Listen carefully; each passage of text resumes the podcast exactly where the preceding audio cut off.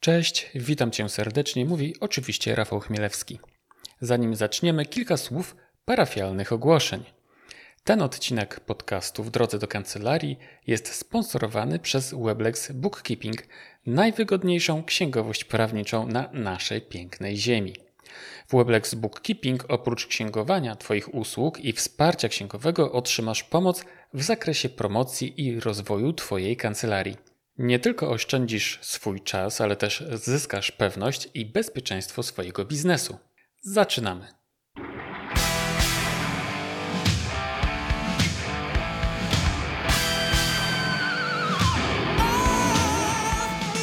To jest 55. odcinek podcastu w drodze do kancelarii, w którym rozmawiam z doświadczonymi prawnikami, którzy niejedną wiosnę w todze mają już za sobą. Witam Cię serdecznie, mówi Rafał Chmielewski. Gościem tego odcinka podcastu jest prawnik nietuzinkowy, znany, założył się wielu z nas. Radca prawny prowadzący swoją kancelarię w Gdyni. Człowiek zaraźliwie optymistyczny i o dużym poczuciu humoru. Prelegent na wielu topowych konferencjach takich jak InfoShare, TEDx, Fuck Up Nights i wielu innych wydarzeniach. Autor licznych artykułów w prasie, m.in. na łamach tygodnika Wprost, stawał też aż pięciokrotnie na podium konferencji I Love Marketing. Wykładowca na czterech wyższych uczelniach, ekspert proszony o wypowiedzi przez m.in. TVN, Rzeczpospolitą czy Monej.pl, występował także w podcaście Mała Wielka Firma oraz w programie Dzień Dobry TVN. Kim zatem jest mój dzisiejszy gość? To oczywiście mecenas Tomasz Palak. Tomasz jest także, co koniecznie trzeba podkreślić, z zamiłowania gitarzystą, o czym chwilę rozmawiamy podczas naszego wywiadu. Kiedy zapytałem go, czy widziałby jakąś specjalną oprawę muzyczną do tego odcinka podcastu, bez wahania wskazał utwór słynnej w latach 80. grupy rockowej Europe i jej utwór Rock the Night. Właśnie ten utwór słyszysz teraz w tle. Myślę, że idealnie pasuje do osobowości mojego gościa. O czym zatem rozmawiamy? Tradycyjnie rozmawiamy o życiu zawodowym mojego gościa, o wyzwaniach, z jakimi musiał się mierzyć w trakcie swojej pracy, o podejściu do klienta, budowaniu relacji z tymże klientem, o promocji kancelarii prawnej i marketingu, a w tym także o content marketingu. Wspominamy również o czymś niezwykle istotnym z punktu widzenia rozwoju kancelarii, ale pozwól, że teraz Ci nie zdradzę, co dokładnie mam na myśli, dowiesz się tego w trakcie naszej rozmowy. Oczywiście zapytałem też mojego gościa o to, jaką ma radę dla początkujących kancelarii, czy warto się w czymś specjalizować, co jest najważniejszą rzeczą w obsłudze klienta oraz o to, co warto przeczytać.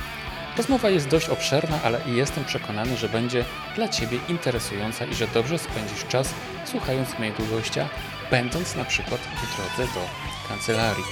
Nie muszę dodawać, że to oczywiście nie jest wszystko w 55. odcinku tego podcastu, bo dziś ponownie posłuchasz Kasi Solgi, czyli kolejnej części poprawnika Kasi.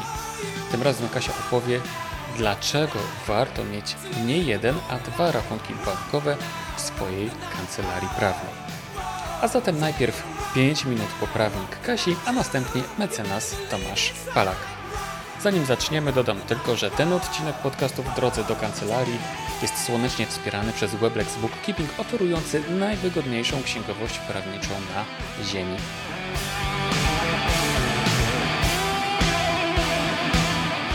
To jest kolejny odcinek poprawnika e, Kasi. Przede mną oczywiście, jak zawsze, Kasia Solga i mamy rozmawiać o znowu o rachunkach bankowych i o dlaczego dwóch rachunkach, to nie wiem. Słucham, Kasiu, słuchamy. znaczy się, y, ja od razu prostuję, że ja y, nie zalecam, żeby mieć rachunki dwa różne w różnych bankach. Tak? To nie, nie. No. Zdecydowanie zalecam, żeby skoncentrować swoją działalność w jednym banku, mieć jeden rachunek bankowy dla kancelarii i pilnować bardzo, żeby wszystkie nasze firmowe transakcje były w ramach właśnie tego jednego rachunku bankowego. I dlaczego tak mówię? Dlatego, że po prostu o wiele łatwiej jest pilnować finansów biznesu, jak to jest w jednym miejscu. Jeśli nie mamy w ogóle rachunku osobnego dla firmy, bądź też mamy ten rachunek, ale na niego otrzymujemy tylko część przychodów, a koszty różnie płacimy albo prywatną kartą, albo jakimś blikiem, pozbawiamy się bardzo cennego narzędzia analitycznego. Tak? Mhm. Jeśli mamy w jednym miejscu wszystkie nasze transakcje, to dużo łatwiej jest e, nam analizować, tak? co takiego się dzieje, na mhm. co wydajemy pieniądze, jakie mamy przychody i po prostu analizować te przychody pod różnymi względami. I o tym będę chciała mówić w następnym odcinku, tak? czyli o tym, jak takie dane, które uzyskujemy z naszego rachunku bankowego, sobie przeanalizować chociaż raz w roku, wykonać takie ćwiczenie, pewną analizę zrobić, ale nie o tym dzisiaj, bo dzisiaj chciałam powiedzieć o tym, powiedziałam już, że trzeba mieć rachunek, że dobrze jest mieć w jednym banku, a teraz chciałam powiedzieć, dlaczego dwa. No właśnie, no dwa... czekam na to wyjaśnienie. E, dwa dlatego, że y, ja uważam, że bardzo takim wygodnym i bezpiecznym rozwiązaniem jest założenie sobie od razu rachunku, drugiego rachunku w tym samym banku.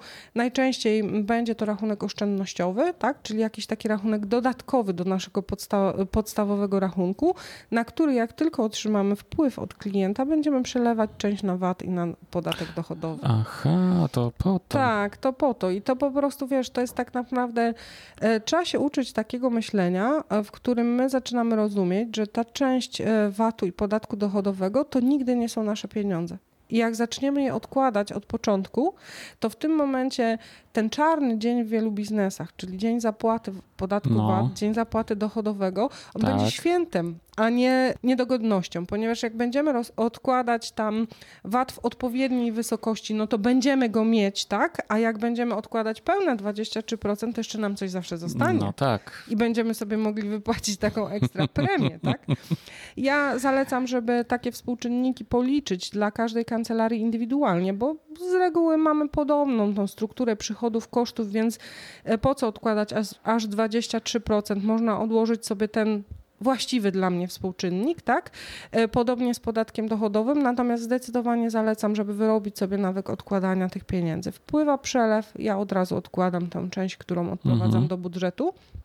No i podobnie Oczywiście z, zachęcałabym do tego, że jeśli otrzymujemy jakieś przychody y, w gotówce, żeby je wpłacać na rachunek. Mhm. Z tego względu, o którym już wspominałam, tak? Czyli żeby to były pieniądze, które my poddajemy potem analizie, mhm. ale też dlatego, że w tym momencie wpłacamy na rachunek, odkładamy to, co do budżetu, a resztą dysponujemy, tak? To bardzo, bardzo ułatwia życie i myślę, że, że też zarządzanie finansami w kancelarii.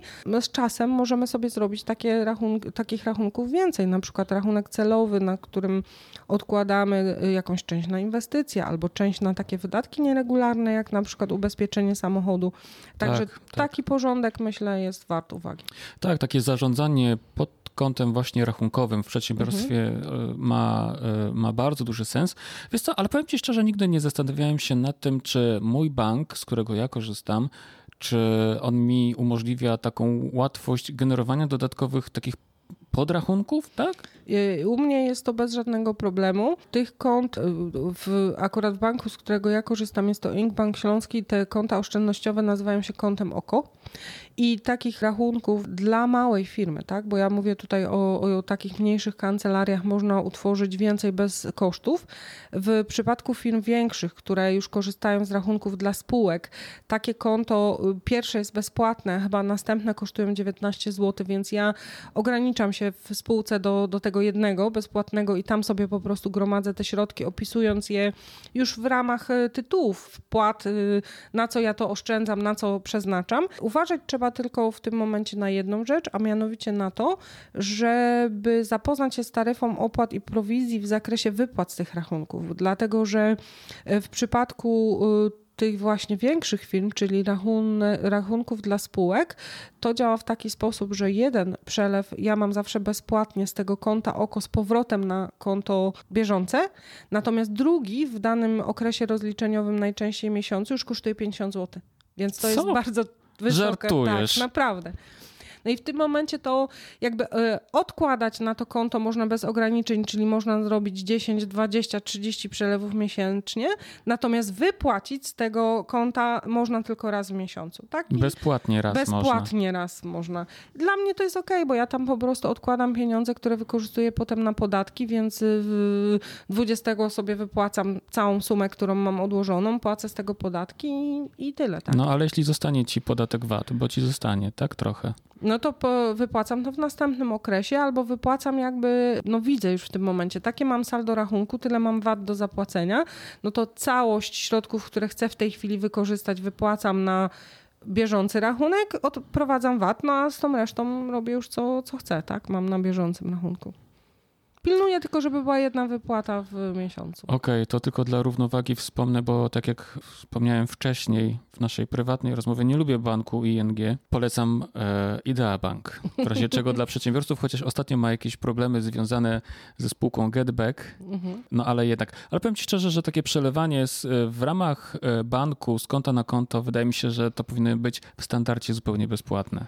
Ja powiem szczerze, że wydaje mi się, że ta, dla tych małych firm e, jest, tak? Natomiast właśnie dla Aha. spółek tu się pojawiają większe opłaty. Rozumiem. Warto się w swoim banku zorientować właśnie, czy można bezpłatnie otworzyć jedno takie konto, czy więcej.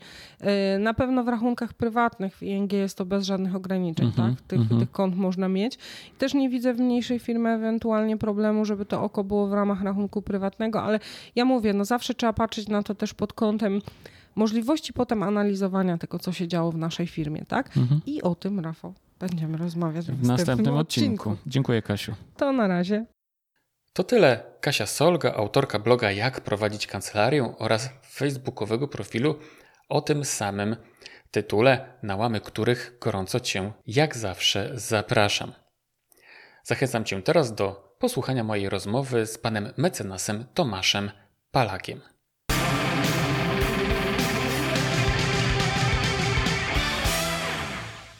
Gościem kolejnego odcinka podcastu w drodze do kancelarii jest pan mecenas Tomasz Palak, radca prawny prowadzący swoją kancelarię w Gdyni. Cześć Tomku. Cześć, cześć, witajcie wszyscy. Witam Cię bardzo serdecznie. Jesteś jedną z tych osób, która jest rozpoznawalna tak szerzej, można byłoby powiedzieć, w naszej branży. Do tego jeszcze wrócimy. Y, Natomiast dlaczego Gdynia? Dlaczego prowadzisz swoją kancelarię w Gdyni? Wiesz co, ja po prostu jestem z Gdyni od zawsze i Aha. e, nie chciałem się stąd ruszać specjalnie. I tak naprawdę e, nawet przyznam się, że 11 lat temu podjąłem próbę, dałem szansę Warszawie Tak. na parę miesięcy, Tak? E, ale to jednak nie było dla mnie i korzystałem z tego, byłem wtedy członkiem organizacji studenckiej, pewnie większość naszych kolegów będzie kojarzyć ELSA. Tak. Gdzieś tam miałem możliwość przy tej, przy tej okazji po, pomieszkiwania w Warszawie, zamieszkałem tam na kilka miesięcy, żeby też przetestować to jeszcze w trakcie studiów. E, Ale, ale już właśnie ten test wyszedł w ten sposób, że byłem praktycznie przekonany, że ja jednak potrzebuję, e, wiesz, widoku na morze i w tej chwili mam morze w ciągu paru minut, a poza tym, e, no jednak Warszawa, już zwłaszcza Warszawa, czy, czy takie a- aglomeracje y, większe od Trójmiasta, e, mają, mają jakieś tam tempo, które nie, nie wszystkim pasuje i ja chyba jestem jednak w tej puli. Poza tym też jeszcze dodam może, że to, że to w gruncie rzeczy nie przeszkadza, nie? Przy branży to pewnie do tego wrócimy, przypuszczam, ale przy tym, że ja obsługuję branżę, która i tak porusza się w internecie, to moja lokalizacja jakby geograficz- geograficzna w gruncie rzeczy ma, mało kiedy ma znaczenie. Oczywiście, że tak. Wiesz co, powiem Ci szczerze, że doskonale Cię rozumiem. Ten sentyment e, do Gdyni, w ogóle do Trójmiasta. e, Ja sam mieszkałem kiedyś, będąc nastolatkiem, chodziłem do liceum No pamiętam, opowiadałeś mi jak się poznaliśmy. No i tak, siłą rzeczy podróżowałem między Gdańskiem, Sopotem a Gdynią i po prostu mm, to miejsce ma swój urok. Każde z tych miast jest oczywiście osobne pod względem klimatu, ale jednak, ale jednak w sumie razem tworzą pewną całość e, absolutnie unikalną w ogóle i, i do dzisiaj z dużym sentymentem wracam do Gdańska, jeśli tylko mogę. Do Gdańska czy w ogóle do Trójmiasta bardzo chętnie tam zajeżdżam i wcale się nie dziwię, że nie chciałeś, że jak tutaj przyjechałeś do Warszawy, to, to że chciałeś wrócić. I wiesz, ja z Gdańska też do Warszawy przyjechałem i też pierwszy mój odruch to był taki, chcę wrócić z powrotem do Gdańska. No jasne. Może gdybym, wiesz, został na dłużej, to bym jakoś tam wsiąkł, ale nie, nie miałem okazji, nie dałem temu szansy. I masz rację, rzeczywiście tutaj Trójmiasto ma ten też urok, że rzeczywiście, jeżeli rzadko, bo rzadko, ale jednak jak każdemu zdarzy mi się mieć dość swojego miasta, to wystarczy kwadrans jest się w zupełnie innym Tak. y, i te miasta współ- współgrają, ale są absolutnie odrębne, a, a sąsiedzkie podgryzanie się nawzajem to jeszcze tylko dodaje tak. temu kolorytu. Tomku, poznaliśmy się w Gdańsku. E, To były chyba dni kariery prawniczej organizowane przez Gdański Oddział Elsy. E, Miałem tak, tę tak. przyjemność wtedy uścisnąć tobie dłoń i posłuchać twojego wywiadu, e, twojego wykładu. I powiem ci szczerze, że wtedy byłem absolutnie zafascynowany sposobem, w jaki prowadzisz rozmowę ze studentami. E, to był miło. bardzo, bardzo sympatyczny dla mnie czas, tym bardziej, że ja wróciłem wtedy właśnie do Gdańska z takim dużym sentymentem, e, ale wróciłem właśnie w roli, w roli wykładowcy. E, W pewnym sensie wykładowcy, tak? Ja, ja nadal też utrzymuję, wiesz, kontakt jakby z ELSA, bo wiem, że te wykłady organizowane przez, przez tych ambitnych młodych ludzi niejednokrotnie są cenniejsze niż to, co mają tak na co dzień po prostu na wydziale i że, że ci, ci z nich, którzy zdecydują się poświęcić ten czas dodatkowo, to mają większą, większą powiedzmy styczność z rynkiem i, i nie żałują tej decyzji i potem jakby biznesowo mają pewną przewagę, nie? E, Tak, zdecydowanie. A jak się trzymasz w czasie epidemii?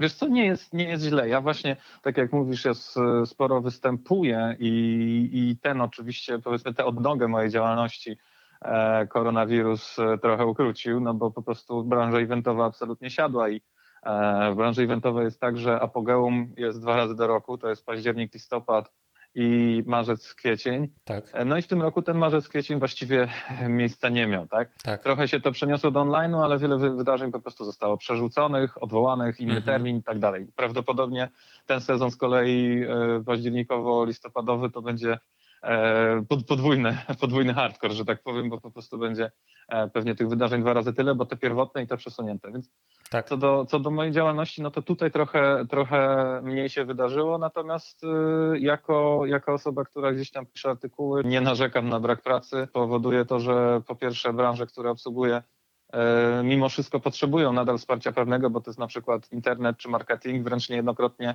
e, internet czy marketing właśnie ze względu na wirusa e, musiał zwiększyć obroty obsługując swoich klientów i potrzebował mnie. tak. E, No a po drugie na to, że, że ustawodawca racjonalny e, dorzucił nam temat pod tytułem tarcze antykryzysowe. E, I tutaj to jest temat, nad którym zdecydowanie e, trzeba poświęcić dużo czasu, żeby go zrozumieć i raczej przy, przy wsparciu prawnika i mogę tym wsparciem służyć. Tak jest. E, Tomku, kawa czy herbata?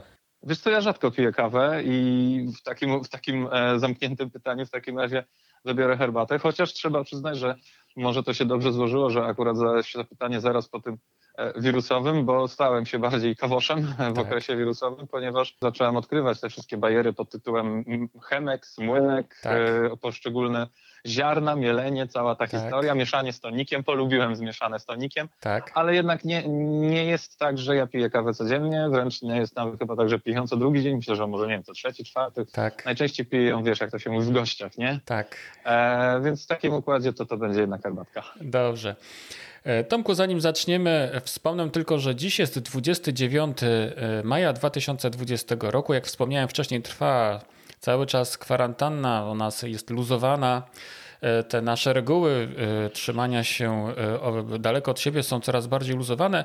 Ja wspominam o tej dacie, dlatego że tego podcastu będą słuchali mm, słuchacze pewnie, wiesz, za 10, 20, pewnie 50, a może nawet 100 lat i oni muszą po prostu wiedzieć, jaka jest data, więc o tej dacie mówię. Dobra.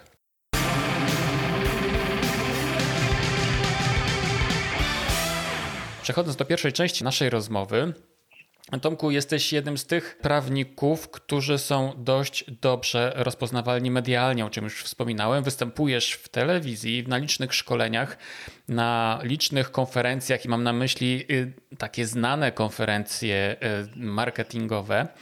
E, Jak ta przygoda z tymi wszystkimi mediami się zaczęła? Hmm, to w każdym właściwie przypadku zaczęło się nieco inaczej. Na pewno, na pewno występowanie gdzieś tam miałem we krwi od, e, od dawna, od początku, może nawet jeszcze od okresu tego właśnie wspomnianego Elsa, ale pewnie gdzieś później. I właśnie tak jak, tak jak ty też wspomniałeś, by, bywałem doceniany poprzez to, że jakąś tam inną metodą prowadzę te wystąpienia i przede wszystkim coraz częściej słyszałem, że zagadnienia prawne, no bo umówmy się, że prawo jest szalenie trudną materią, Tak. e, udaje mi się w jakiś prosty sposób przetłumaczyć. Na, na przykładach, na wesoło, też z poczuciem humoru, bo to taki jakby Tak. powiedzmy mój znak rozpoznawczy, Tak że staram jest. się gdzieś tam ten humor wpleść, żeby łatwiej po prostu ktoś zapamiętał. Więc te, te wystąpienia po prostu w pewien naturalny sposób stawały się coraz większe, w coraz większym gronie, coraz bardziej e, jakby le, lepszej, le, lepszej jakości, frekwencji, prestiżu, Tak. jeśli można takich słów takich słów używać. E, No i, no i faktycznie gdzieś tam też był, był taki punkt, gdzie na przykład na tej konferencji I Love Marketing udało mi się wygrać. To jest taka konferencja, która zrzesza właściwie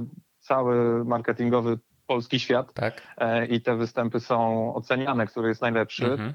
E, No i zrobiłem im niespodziankę, bo przyszedł prawnik nagle i wy- wypadł, wypadł najlepiej, a jeszcze to była niespodzianka dosłownie, bo to był mój pierwszy występ, tak? Więc ja tam raczej sam się spodziewałem, że pojawię się w charakterze takiego, wiesz, kwiatka do kożucha. Tak, tak. Ale no oczywiście również poddałem się ocenie i, i ta ocena ku zaskoczeniu wszystkich chyba włącznie ze mną okazała się wynieść mnie na, na właśnie pierwsze miejsce tej konferencji, która no właśnie ma jakąś tam markę. No i to też oczywiście trochę tam przyspieszyło Tak. tę procedurę tego, że gdzieś tam się na tych e, wydarzeniach pojawiam. Jak chodzi o pisanie artykułów, to myślę, że analogicznie. Ja stworzyłem bloga, między innymi zainspirowany Twoją działalnością, Twoją książką i tak dalej, Tak. ale powód tego, tego podstawowy był taki, że ja miałem dużo artykułów już wcześniej, tylko rozproszonych. Tak. E, Można mnie było znaleźć zarówno na Inforze, jak i na Joe Monster. Więc e, pomyślałem sobie, że dlaczego wszystkiego tego nie zebrać w jedno miejsce pod, pod własnym nazwiskiem, pod własną marką. Tak. E, I tak to ostatecznie się potoczyło. Jak chodzi o media, powiedzmy, bardziej, bardziej tradycyjne, to po prostu w którymś momencie, e, zwłaszcza w, w kontekście tego, że zacząłem być kojarzony z RODO, pojawiały się zapytania z e, prasy, czy właśnie z innych, z radia, ze względu na RODO i myślę, że to akurat była sytuacja, w której dziennikarze googlowali prawnik RODO i pojawiałem się gdzieś u góry i tyle. Aha, aha. Tomku, a wracając do tej konferencji, na której e, zająłeś pierwsze miejsce, domyślam się, że na tej konferencji występowali, e, występowały osoby, które mają wystąpienia we krwi. Tak, Na przykład Paweł Tkaczyk. tak, Występował wtedy? tak, tak. Wow. Występował Paweł Tkaczyk, Michał Sadowski, Rahim Black e, z takich osób, które gdzieś tam mogą być kojarzone. No osoby, które ja sam bardzo, Maciek Buzik, osoby, które ja sam bardzo, Tak. bardzo szanuję, podziwiam ich pracę właśnie w zakresie i marketingu, i wystąpień, i tego typu rzeczy. I tym, tym fajniej było, przyjemniej e, zostać, zostać wiesz, włączonym w to grono. Tak jest. Już sam fakt, bo tam oczy- oczywiście są pewne eliminacje, żeby wystąpić w ogóle, tak? Aha. Już sam fakt, że, że udało mi się tam pojawić, to była dla mnie wielka, wielka frajda i myślałem sobie, super, wystąpię na jednej scenie z ludźmi, którzy naprawdę są w tym świetni. Tak. E, Natomiast no, nie, nie brałem pod uwagę, że będę miał okazję w ogóle ich wyprzedzić. Tak? Tak jest, tak jest. Nie, no, znaczy powiem Ci szczerze, że absolutnie podziwiam e, Ciebie i mogę dodać tylko tyle, że na przykład Paweł Tkaczyk to jest poziom, to jest jeden z najwyższych poziomów w ogóle wystąpień publicznych. On ma i łatwość, i Paweł jest humor, e, i, Tak. i merytorykę, i logikę całego wystąpienia. W związku z tym, jeśli Ty byłeś oceniony jako lepszy niż Paweł Tkaczyk, to czapka z, gło- z głowy i jedziemy Dziękuję. dalej. I jedziemy dalej. Bo jesteś też wykładowcą. tak, tak. Wykładam, wykładam na czterech uczelniach. E, Wszędzie są to podyplomówki. Mhm. A na jakich uczelniach między innymi? E, Na WSB, na WSAIB, na UTH w Warszawie i na WSEIE e, w Krakowie. Okej, nic to nie mówi, bardziej powie... Okej, czyli rozwinąć skróty, tak? chociaż jednej. E, Wyższa Szkoła Bankowa, Aha. e, znaczy Wyższa Szkoła Bankowa jest wszędzie, ale, ale ja wykładam w Gdyni Gdańsku. Tak. Wyższa Szkoła Administracji i Biznesu w Gdyni, Uczelnia Techniczno-Handlowa w Warszawie i Wyższa Szkoła Ekonomii i Informatyki w Krakowie. Aha, aha. I tam się, tam wykładasz dokładnie co? Najczęściej albo na, na jednej z tych uczelni, na tej UTH, e, mam e, zajęcia powiązane z ochroną danych osobowych, Tak. że takie powiedzmy stricte prawne. Na pozostałych, na różnych wariacjach kierunków powiązanych z marketingiem, a to personal branding, a to marketing internetowy, a to e-commerce, e, ja mam za zadanie jakby ugryźć temat od strony prawnej i jestem, wiesz, tym przykrym punktem dla nich, e, dla, dla studentów w harmonogramie, gdzie mówią, o Boże, będzie Tak. jeszcze o prawie, no w sumie trzeba przez to przebrnąć, nie? Ale na szczęście, na szczęście właśnie z, z reguły, w sumie zawsze kończy się to tym, że, że mówią, że byli miło zaskoczeni, że jednak w sumie było ciekawie i jednak może to prawo da się jakoś tak sprzedać, nie? Otóż to, czyli twoja własna osobowość tutaj gra dużą e, rolę. A studia... No ja się staram, wiesz, nie rzucać, nie rzucać w nich paragrafami, tylko, tylko case'ami przede wszystkim, a, a rzeczywiście doświadczenie w tym, w tym mam i to się tak samo, samo napędza, że e, właściwie taką nieformalną zasadę mam e, na tych zajęciach, że ja nie mówię właściwie nigdy jakiegoś, nie wiem, numeru paragrafu, ani jego treści, e, o ile sami nie poproszą, tylko Tak. po prostu pokazuję im to jak, to, jak to wygląda strukturalnie, więc jest to pewną odmianą, przypuszczam, wobec tego, że często, nie tylko w naszej branży, w każdej, ale, ale w tych wszystkich branżach, które takie są szalenie wiedzowe, slajdy wyglądają tak, wiesz, że jest paragraf 80, Tak. czy wszyscy rozumieją, tam ludzie coś mrukną, Tak, jedna osoba powie, że rozumie, reszta coś mruknie, a osoba mówi prowadząca, no dobrze, 80 mamy z głowy, klik, przeczytajmy wspólnie 81, nie?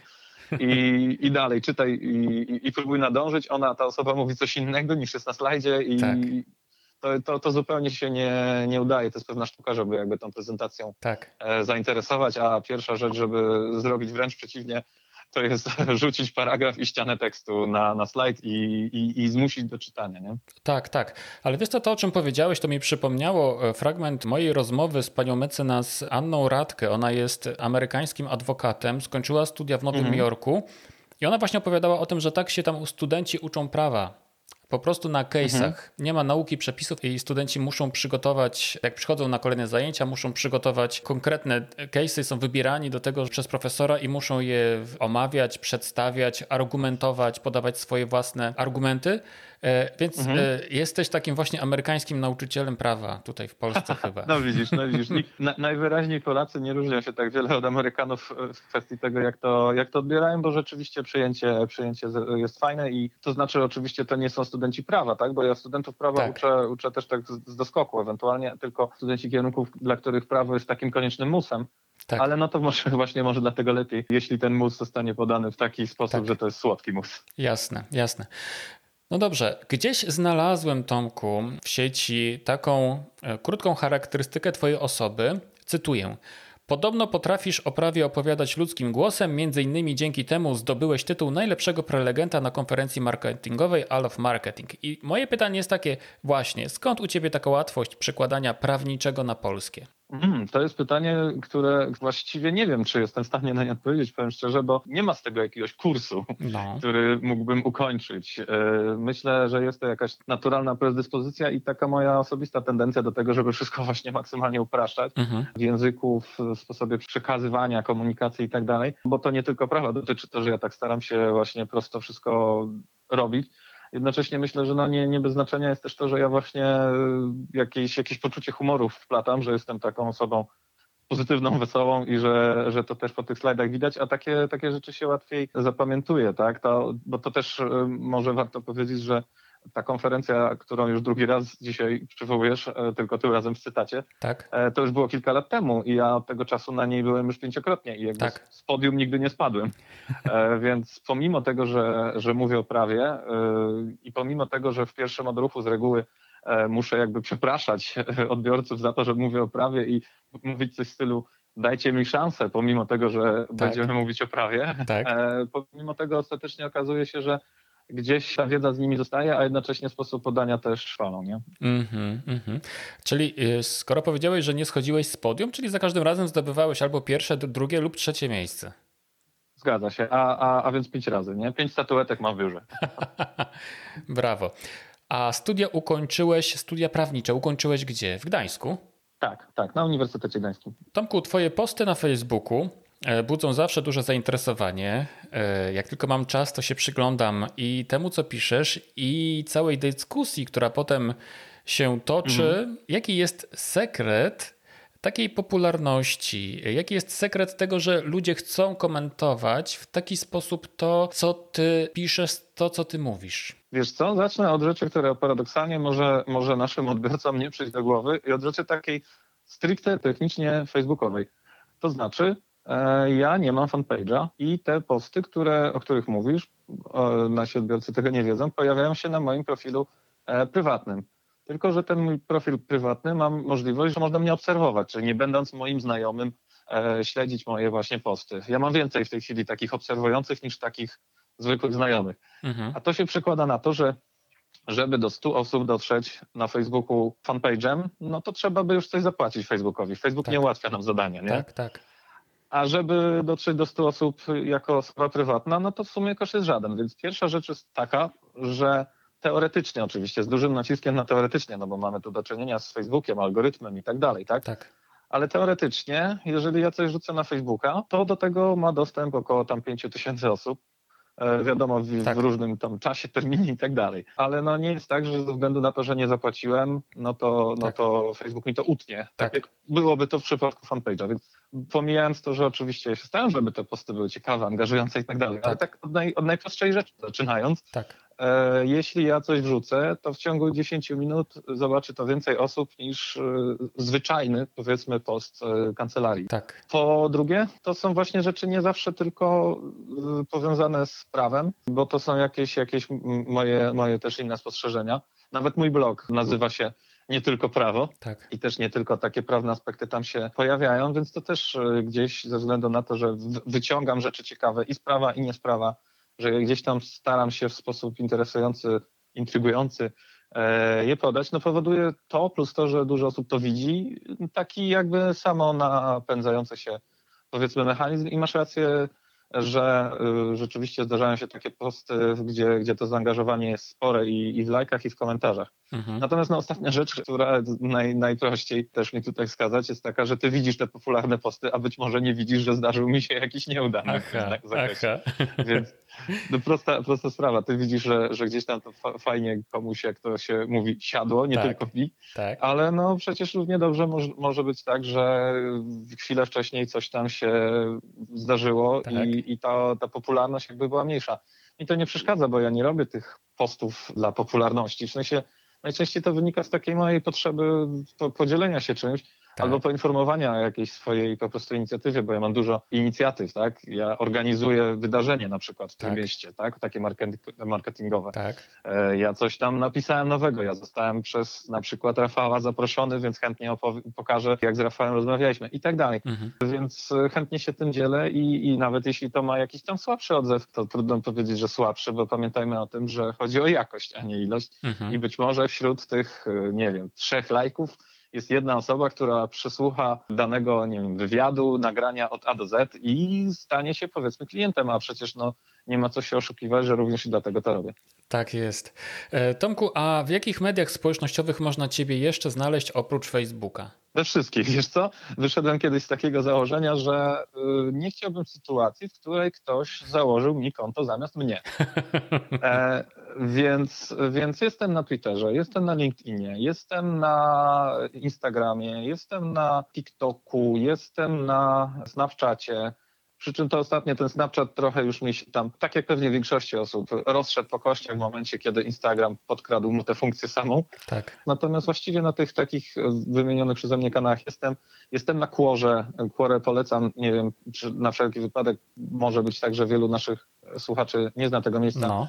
To jest takie rozwiązanie z zachodu, które świeżo stosunkowo przyszło do nas, gdzie można zadać pytanie i czekać na odpowiedzi. Trochę jak Facebook, ale bez, te, bez tej całej otoczki reklam i śmietnika. Aha. Więc zadajesz pytanie i, i, i dostajesz odpowiedzi i tam można jako prawnik swoją markę budować i na przykład Ciekawe. bardzo fajnie i Mhm. śmiało, śmiało pochwalę. Bardzo fajnie robi to znany pewnie większości naszych kolegów i koleżanek Mikołaj Lech, nie? Mhm. Mikołaj super tam się wypowiada i tak dalej. Mhm. Ja też się staram pojawiać, jeżeli akurat mam okazję. Pojawiać się ze względu oczywiście na to, żeby gdzieś tam zasygnalizować swoją obecność, ale też ze względu na taką dobrą, dobrą wolę, czyli chęć pomocy. Wobec tego, jeśli ktoś ma jakieś pytania, to oczywiście, żeby było jasne, to nie jest jakiś klub darmowych porad prawnych, Tak. e, bo wiem, że pewnie niejednokrotnie nasi, nasi koledzy mają taką obawę, że, że ja tam wszystko powiem i co, co, co mi to da. To są częściej raczej takie pytania ogólne, na przykład, co daje tarcza? Albo Mhm. to po co w ogóle jest ten UOKiK? Co on daje? Mhm. albo jakieś tego typu, y, czy, czy, blog, czy jako bloger mam jakieś prawne obowiązki, nie? No Mhm. to, to to, że ja powiem komuś, jakie ma obowiązki prawne jako bloger, nie znaczy, że nadal nie jestem mu w stanie, na przykład jeżeli mu powiedziałem, zrób politykę prywatności, no to podpowiedzieć, że jeśli chcesz, no to śmiało ci z tym pomogę, nie? Mhm. Mhm. Słuchaj, a wspomniałeś o TikToku. Masz coś na TikToku, jakieś filmiki? Tylko jeden na razie. E, mam, mam pomysł, który y, muszę, muszę jeszcze trochę, wiesz, prze, przemurzyć, bo mam pomysł na serię filmików. Tak. Na razie mam jeden filmik, który zrobiłem na próbę, czy właśnie, żeby zwiedzić to medium i jestem z niego zadowolony i na pewno nie jest tak, jak się mówi, że to jest, wiesz, dla dzieciarni. No właśnie, wiesz co? E, ja widzę, że jest coraz więcej prawników e, na TikToku. E, niektórzy bardziej Mhm. merytorycznie, niektórzy mniej merytorycznie. Ciekaw jestem Twojego pomysłu, ale to jest właśnie bardzo ciekawe, że tak jak wspomniałeś, że to nie jest dla dzieciaków, wszystkie te media społecznościowe, bo i blogi, i Facebook i tak dalej, Mhm. wszystko to było na początku dla dzieciaków, a potem to zostało przejmowane siłą niemalże przez dorosłych. Dokładnie. No i prawda jest taka, że im szybciej się pomyśli o tym, tym lepiej. TikTok to nie jest jakieś medium, którego ja tutaj będę, wiesz, ambasadorem, psychofanem w naszym dzisiejszym spotkaniu. Natomiast jest to po prostu kolejne ciekawe medium, kolejny intrygujący kanał ze swoją jakąś tam specyficzną społecznością, specyficznymi e, niepisanymi regułami, gdzie można się pojawić. I po pierwsze, prędzej czy później i tak marki zaczną to robić, więc lepiej być tym, który robi to prędzej. Po drugie, te dzieciaki za, za 3 lata dorosną i będą całkiem przydatnymi klientami. Może jeszcze nie będą się w wieku powiedzmy 20 lat rozwodzić, chociaż różnie to bywa, No. ale w wieku 20 lat mogą być powiedzmy startupowcami, mogą być ludźmi, którzy chcieliby się zainteresować tym, żeby ktoś im sprawdził umowę pierwszą o pracę i tak dalej, nie? Mm. Także myślę, że tak po- podsumowując TikTok i sze- szeroko rozumianą tendencję do tego, że coś jest dla dzieciaków, to zgadzam się z Tobą absolutnie i myślę, że TikTok też będzie tego przykładem, że po pierwsze marki się przekonają, że warto dołączyć, a po drugie wraz z tymi dzieciakami zestarzeje się również trochę komunikacja na tym medium, a dzieciaki jak to zwykle znajdą sobie kolejne, na którym nie ma rodziców i tak to się w kółko kręci. A jakie jest to następne medium, gdzie dzieciaki pójdą? Wiesz może, czy jeszcze, czy jeszcze nie wiadomo w ogóle? Jest to na tyle świeżym w tej chwili jest TikTok, że, że ciężko to przewidzieć. Ja z dużą uwagą obserwuję takie medium, które nazywa się Steamit Tak. i polega na tym, że nie będę tutaj utrudniał, więc tylko powiem, że tam się magicznie pojawia blockchain, pojawiają się pieniądze z, w zamian za wrzucanie treści i tak dalej. Nie chcę tutaj już Tak. komplikować naszego spotkania, zresztą nawet, nawet może prościej będzie, będzie wszystkim myśleć, jakąś magicznie dzieje się tam, że jest blockchain, że jest pieniądz Tak. i tak dalej, że za te treści, które się wrzuca, to też można być nagradzanym również jakoś tam finansowo, powiedzmy. To jest ciekawe medium, a no blockchain to akurat co do tego nie mam żadnych wątpliwości, że jest przyszłością. Niekoniecznie Bitcoin, bo wiele osób to wiąże jedno z drugim, Bitcoin i blockchain, ale Bitcoin niekoniecznie, ale blockchain to na pewno jest przyszłość. Być może jeśli jakieś inne alternatywne medium sprawniej nie podejdzie do tego, żeby zaistniał portal społecznościowy oparty na blockchainie, czyli jeżeli tego Steamita nikt nie wyprzedzi, Tak. to to będzie Steamit. A jest takie ryzyko, że oczywiście jakieś inne medium go wyprzedzi lub jest też takie ryzyko, że jakiś tam Facebook czy inny Google zrobi takie coś, wiesz, w miesiąc i wszystkich zmiecie, bo oni to przecież potrafią. No tak, oczywiście. Tomku, mm, na Twitterze masz w swojej wizytówce napisane mecenas z gitarą. Możesz to Na rozwinąć? Facebooku też. Okej, możesz to rozwinąć? No, oczywiście chodzi o to, że jestem również gitarzystą i, i gdzieś tam lubię to robić. Zdarzyło mi się teraz w kwarantannie zrobić dwa live'y, które polegały tylko i wyłącznie na tym, że grałem na gitarze, coś tam poplumkałem, nic znanego, bo oczywiście prawa autorskie i tak dalej, więc świeciłem w tym zakresie przykładem. Tak. E, więc po pierwsze jestem, jestem powiedzmy sympatycznym gościem z gitarą, którego można zaprosić na ognisko i też się przyda. Mhm. A po drugie, e, zdarza mi się tę gitarę wykorzystywać też w jakimś takim, nazwijmy to górnolotnie, celu dydaktycznym.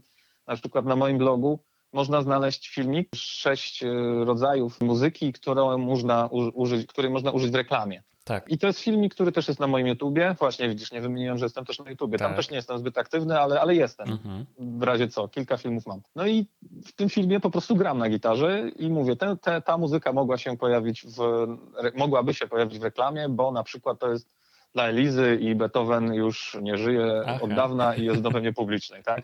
Po chwili gram jakiś tam inny fragment, mówię, to by się mogło pojawić, to nie i tak, Tak. dalej, więc y, gdzieś tam ta gitara jako rekwizyt y, robiący ze mnie trochę luźniejszą osobę oraz jako po prostu przydatna rzecz dydaktycznie się przewija. Myślę, że to jest fajny komunikat, jeżeli, jeżeli ktoś wchodzi na moją stronę i myśli sobie, ok, to jest facet, który ma jakieś życie też poza, poza prawem, a jednocześnie gdzieś to kierunkuje, że to jest taka osoba, może trochę sobie dodaje, ale muzycy, gitarzyści generalnie gdzieś tam domyślnie kierunkują się w wielu głowach jako osoby takie powiedzmy kreatywne i tak dalej.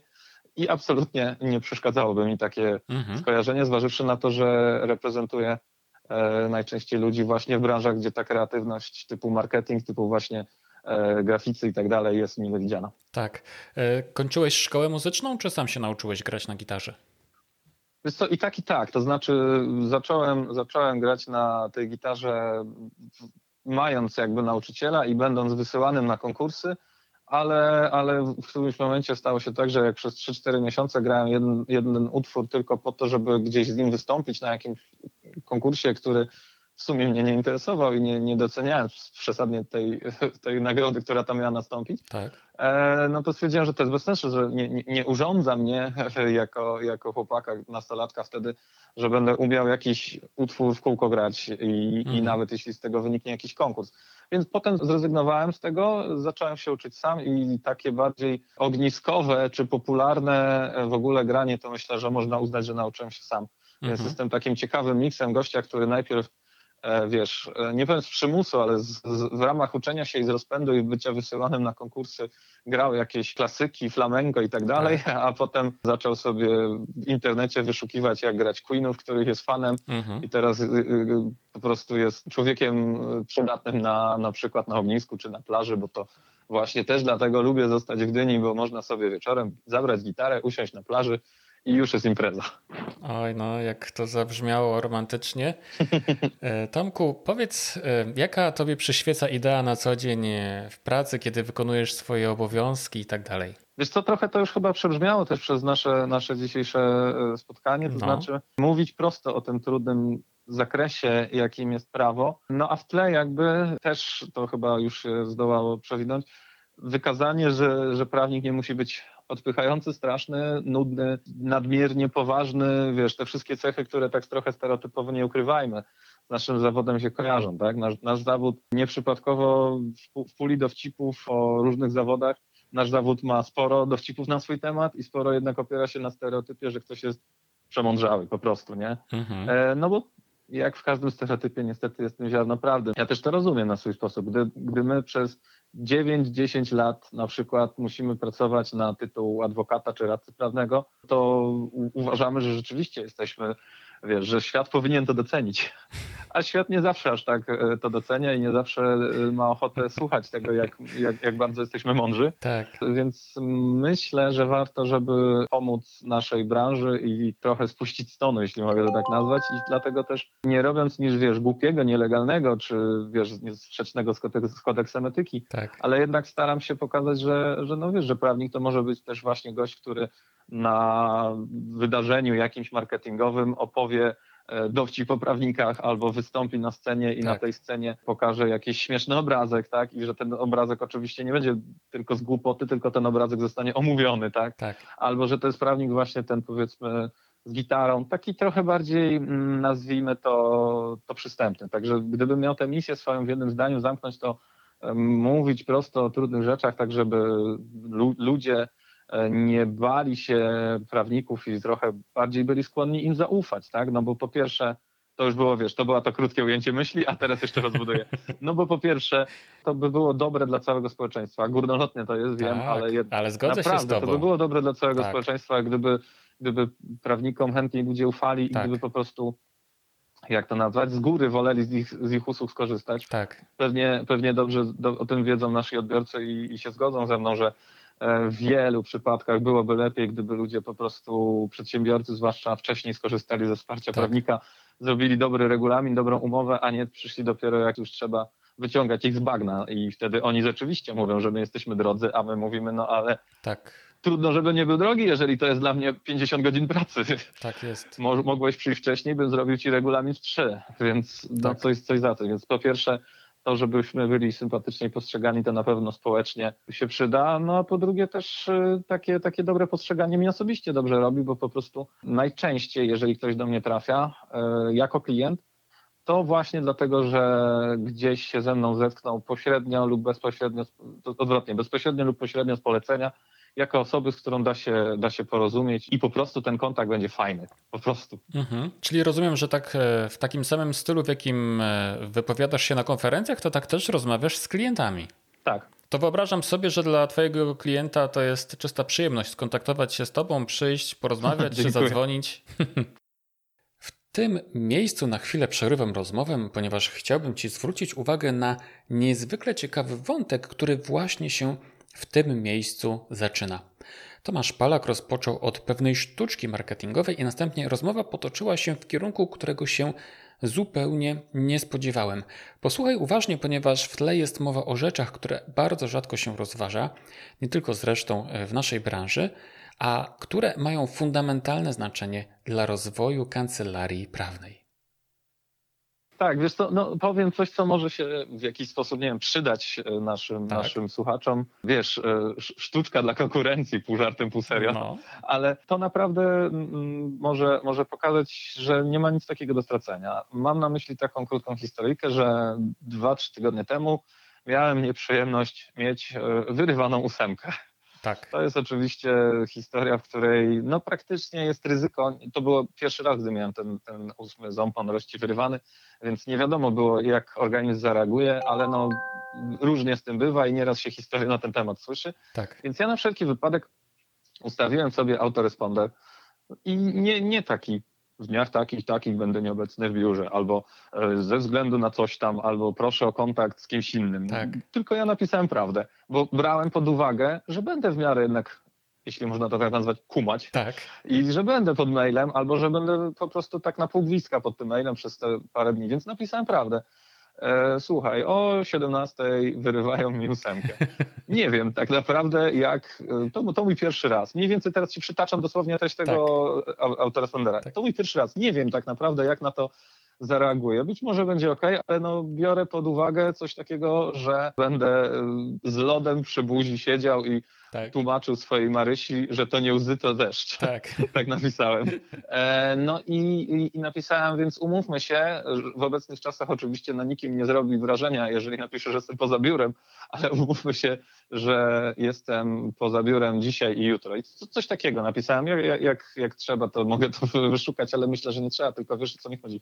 I clue tej historii jest takie, że spotkałem się z bardzo, ale naprawdę bardzo sympatycznym odzewem w sensie ludzie odpisywali na ten autoresponder i mówili, że trzymają kciuki, że nie tak. będzie źle, że o tak. Boże, wiem jak to było, tak, że pamiętam, jest. że jasne, moja sprawa poczeka i, i tak dalej. I jeżeli ktokolwiek z powodu tego, że ten autoresponder był taki niesztampowy, miał jakieś pretensje, to nie wyraził ich wprost, a jeśli w ogóle miałby to zrobić, to, to, to, nie rozumiem po co i przypuszczam, że mimo wszystko tak nie było i że wszyscy mieli jakiś taki jakby sympatyczny odbiór tego, że napisałem e, to. No oczywiście, żeby było jasne, bo na wszelki wypadek to dodam, żaden z moich klientów na moim ósmym zębie mądrości nie ucierpiał. Tak? Wszystko zostało zrobione czy przeze mnie, czy przez moją załogę jak należy. E, ja rzeczywiście się trochę gorzej czułem przez jeden dzień, więc po prostu tematy forwardowałem, tak? Na, na tyle, tak. na tyle, żeby na przeciwbólówkach trochę mniej przytomny, więc po prostu forwardowałem i mówiłem, dobra, to tutaj ci pomoże Agata, tutaj ci pomoże Tomek, ja wracam jutro, bo, bo po prostu no, jest jak jest, nie? Słuchaj, ta sztuczka z autoresponderem, y, to ja ją no. sam stosuję i też, I też tak, i też wśród naszych prawników promuje ten sposób. Mam na myśli prawników, mhm. których wspieramy w Webleksie. E, też promuje. Wiesz co, to może ja nawet nie pamiętam o tym, a ja to jednak wiem od ciebie, a nie z głowy. E, wiesz co, no trudno mi powiedzieć. Myślę, że nie. Myślę, że sam na to wpadłeś, bo to w sumie to wiesz. Wiesz, to, to... ale ja też nie ukrywam oczywiście, że, że cię czytam, szanuję to co, to, co produkujesz. Więc takie rzeczy mogą zostać w głowie i, i ja biorę pod uwagę, że wcale nie jestem twórcą tego pomysłu, tylko, tylko go zaczerpnąłem od ciebie po prostu nieświadomie. A nawet jeśli, jeśli to wiesz, jak to się prawniczo mówi, twórczość paralelna, tak. to też świadczy o tym, że niezależnie wpadając na to, mieliśmy, jak rozumiem, zbliżoną skuteczność, nie? E, tak, ja uważam, że to jest w ogóle genialny sposób, bo to, mm, bo to doskonale buduje relacje, to pokazuje właśnie twoją własną tak. osobowość, to jaki ty jesteś, tak, jakie masz podejście w ogóle do, do, do świata, ale wiesz co, e, cały sekret leży tutaj w dwóch rzeczach. Po pierwsze, że to działa z automatu, czyli z automatu wyrażasz swoją własną opinię i, i, nie wymaga to od ciebie żadnego nakładu czasu, oprócz tego, że to po prostu napiszesz e, tylko raz i to jest. Tak. A, a po drugie, to jest to, że po prostu ci ludzie, którzy otrzymali tego, e, tego, ten autoresponder, zapamiętają to do końca życia. Najzwyczajniej w tak, świecie. Tak, i to też y, ktoś, ktoś, kilka osób mi napisało takie rzeczy, wiesz co, ale super, ja myślałem, że prawnicy są tacy on, e, nos do góry i właśnie też taki był odzew, że po prostu to było super, że taki jakby ludzki się okazał ten człowiek po drugiej to. stronie maila. To też oczywiście no, trzeba brać poprawkę na to, że to w wielu przypadkach są osoby znowu, jakby to jest e, się zazębiające. To są osoby, które już wcześniej skądś mnie kojarzyły. Nie tylko klienci moi już wcześniej obsługiwani, no bo to oczywiste, ale też e, w wielu przypadkach osoby odzywające się do mnie pierwszy raz już mnie skądś znają. Ja bardzo rzadko dostaję takie maile, zapytania ofertowe, nazwijmy to, po których ewidentnie widzę, że poszły do jeszcze 10 osób. Mm-hmm, mm-hmm. W większości, jak ktoś mnie pyta o to, czy mogę pomóc albo za ile mogę pomóc, to to jest osoba, która tak. E, powołuje skąd do mnie trafiła, sama, nieproszona, tak. bo już, już też e, buduje to jakąś między nami relację i ona by tego chciała. No a poza tym właśnie wynika z tego, że jakby za zachęcił ją do kontaktu. To moja wcześniejsza obecność medialna czy jakakolwiek inna. Tak, tak. Tomku, y, dodajmy może jeszcze, że wiesz, bo domyślam się, że jeśli tak bym powiedział, czy, czy tak mówię prawnikom, którzy po prostu mnie nie znają, nie wiedzą, jakie ja mam podejście, i mówię, mhm. mówię y, o tej sztuczce, w cudzysłowie rzecz biorąc, tak, y, z autoresponderem, to większość prawników mhm. pomyśli sobie tak, no dobra, ale tak to sobie można napisać, jak mam klientów, osoby fizyczne, ale przecież do przedsiębiorców to tak nie mogę napisać.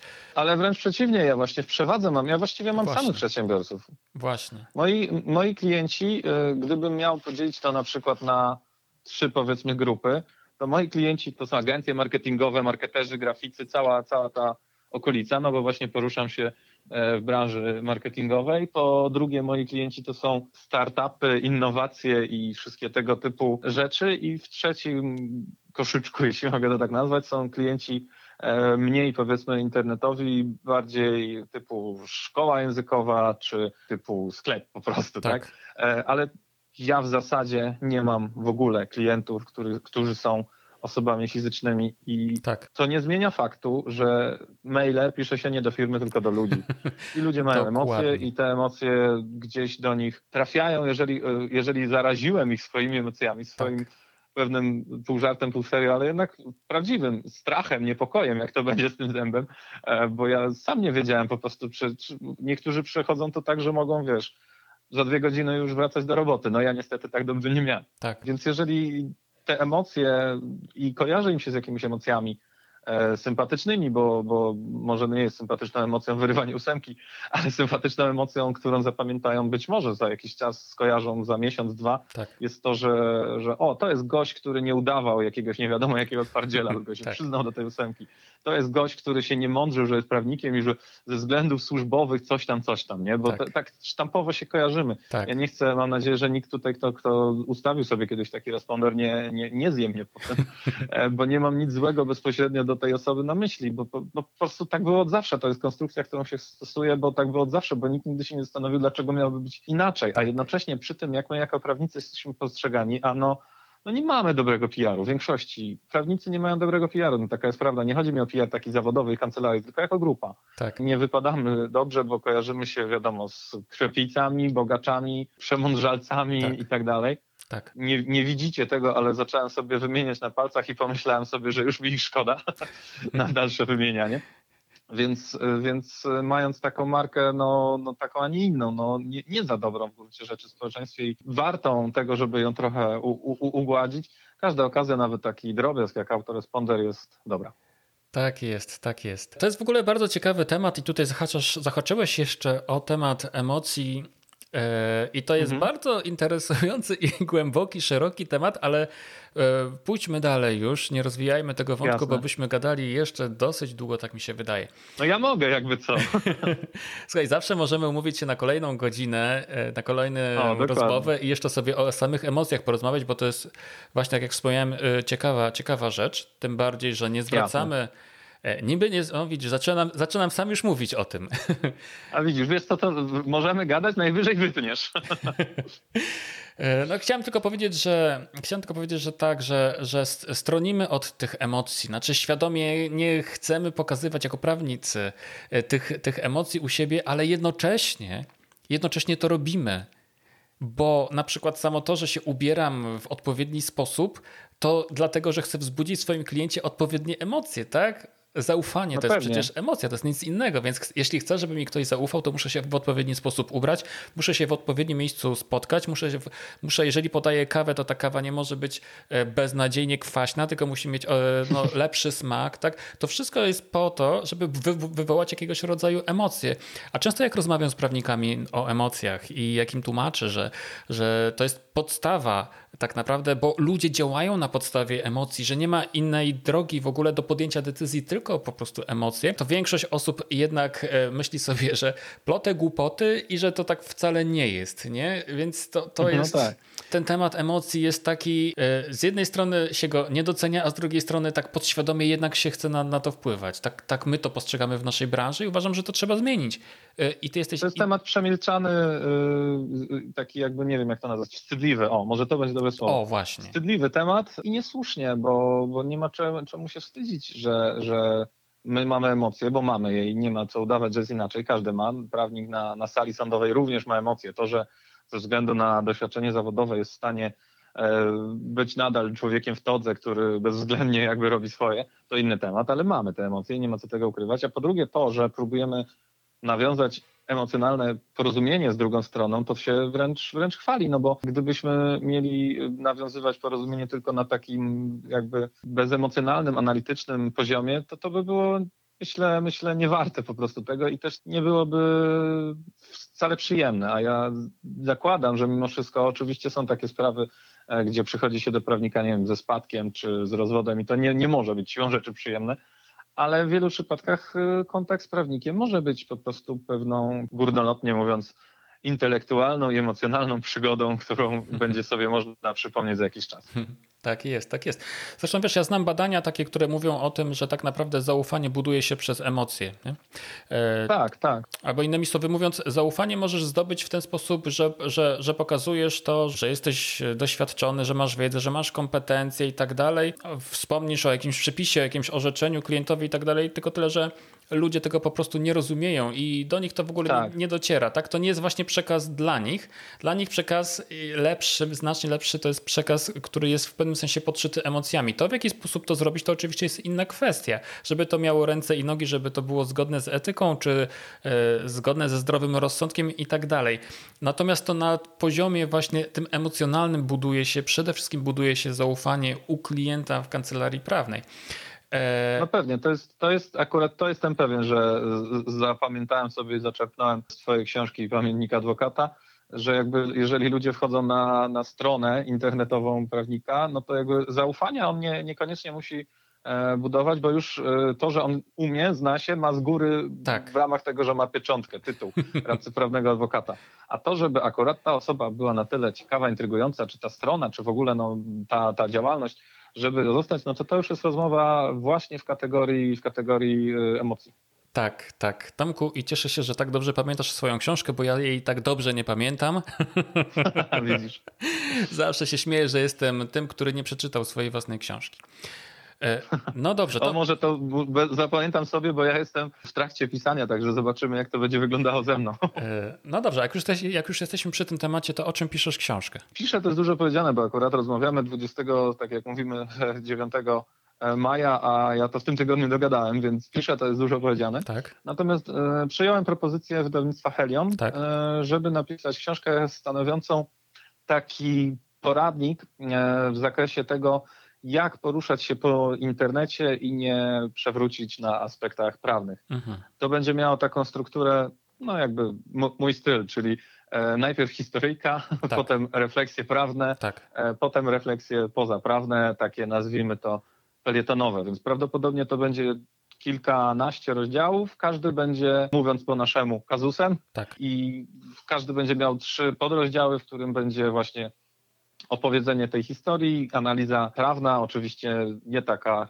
komentarzowa, w tym znaczeniu komentarz do KPC, Tak. a tylko taka, no, jak to się może przełożyć na tę działalność, jakieś inne case'y. I myślę, że pojawi się też e, właśnie ten trzeci ro- podrozdział w każdym z rozdziałów z jakimiś takimi refleksjami moimi szerszymi, nie tylko prawnymi, e, właśnie jak to w ogóle wpłynęło na internet dany case, jak to e, się ma do społeczeństwa i tak dalej. Tak, No bo tak jak już gdzieś wspomniałem, ja piszę nie tylko, nie tylko o prawie tak. na swoim blogu, teraz też wkrótce pojawi się i rozpocznie się moja współpraca z Wprostem internetowym, Mhm. gdzie tak naprawdę wcale nie poprosili mnie o to, żebym udzielał porad prawnych, tylko żebym pisał powiedzmy felietony, więc Mhm. y, ja, ja raczej pewnie będę się prawa trzymał ze względu na to, że mam właśnie cały czas te ambicje, tę misję, żeby to prawo oswajać.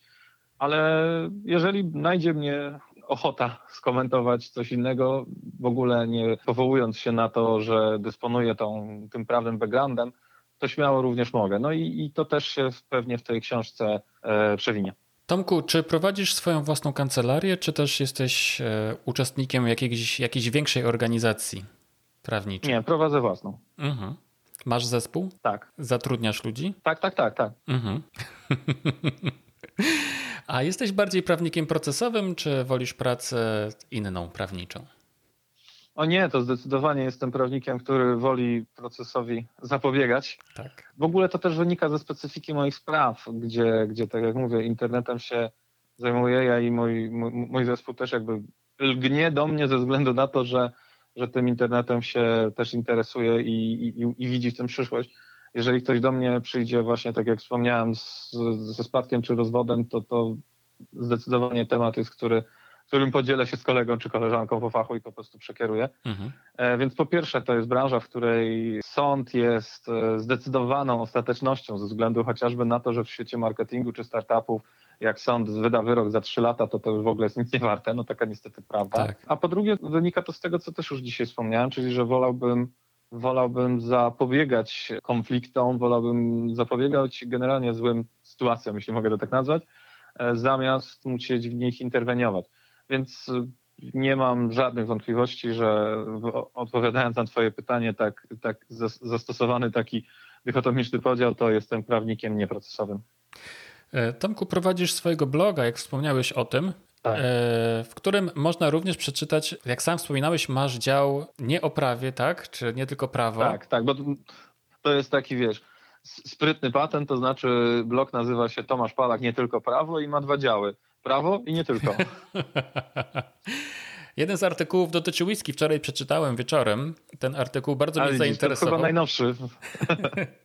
Jesteś pasjonatem whisky, czy jak ten artykuł się tam Nie, wiesz co, to, to musiałeś chyba ominąć górny akapit, w którym było powiedziane, że to jest wpis nie mój, tylko mojego kolegi. Mhm. Ja wpuściłem kolegę, cały czas zawracałem mu głowę, że Kuba, ty się tak, z jednej strony to jest aplikant e, racowski, a z drugiej naprawdę ma imponującą wiedzę w tym, w tym zakresie właśnie tego whisky i ja mu zawracałem głowę od, od no co najmniej roku, a może i półtora. Kuba, czas, żebyś założył bloga i Mhm. zaczął się dzielić tą swoją wiedzą, a Kuba tak nie bardzo się dawał, się dawał, to w końcu powiedziałem, to zrobimy taki eksperyment, wpuszczę cię do siebie na bloga. No, I no zapowiada nam się seria właśnie Whisky a Prawo. E, To, Tak. co czytałeś, to była pierwsza część. Tak. Już mam za nadrzu dwie dalsze, a widzę też, że Kuba sobie ostrzy pióro, jak to się mówi, czy raczej stuka zgrabnie w klawiaturę No. we współczesnych czasach. E, więc myślę, że to będzie jakaś tam dalsza, dalsza seria. Wiesz, to, to nie spodziewam się, prawdę mówiąc, że z tego przyjdą do mnie jacyś klienci, no bo po pierwsze ciężko wyobrazić mi sobie klienta zwabionego aspektem whisky prawo, chyba że klient, który chce sprzedawać whisky przez internet i chciałby wiedzieć, jak, czy może i na jakich warunkach. E, Po drugie, jeśli nawet ktoś by w związku z tym wpisem konkretnym się do mnie udał i chciał coś dopytać o whisky, to ja pewnie bym go odesłał do Kuby. Więc to, to jest tak bardziej z chęci tego, żeby wiedza tego człowieka ujrzała światło dzienne, bo naprawdę według mnie jest tego warta.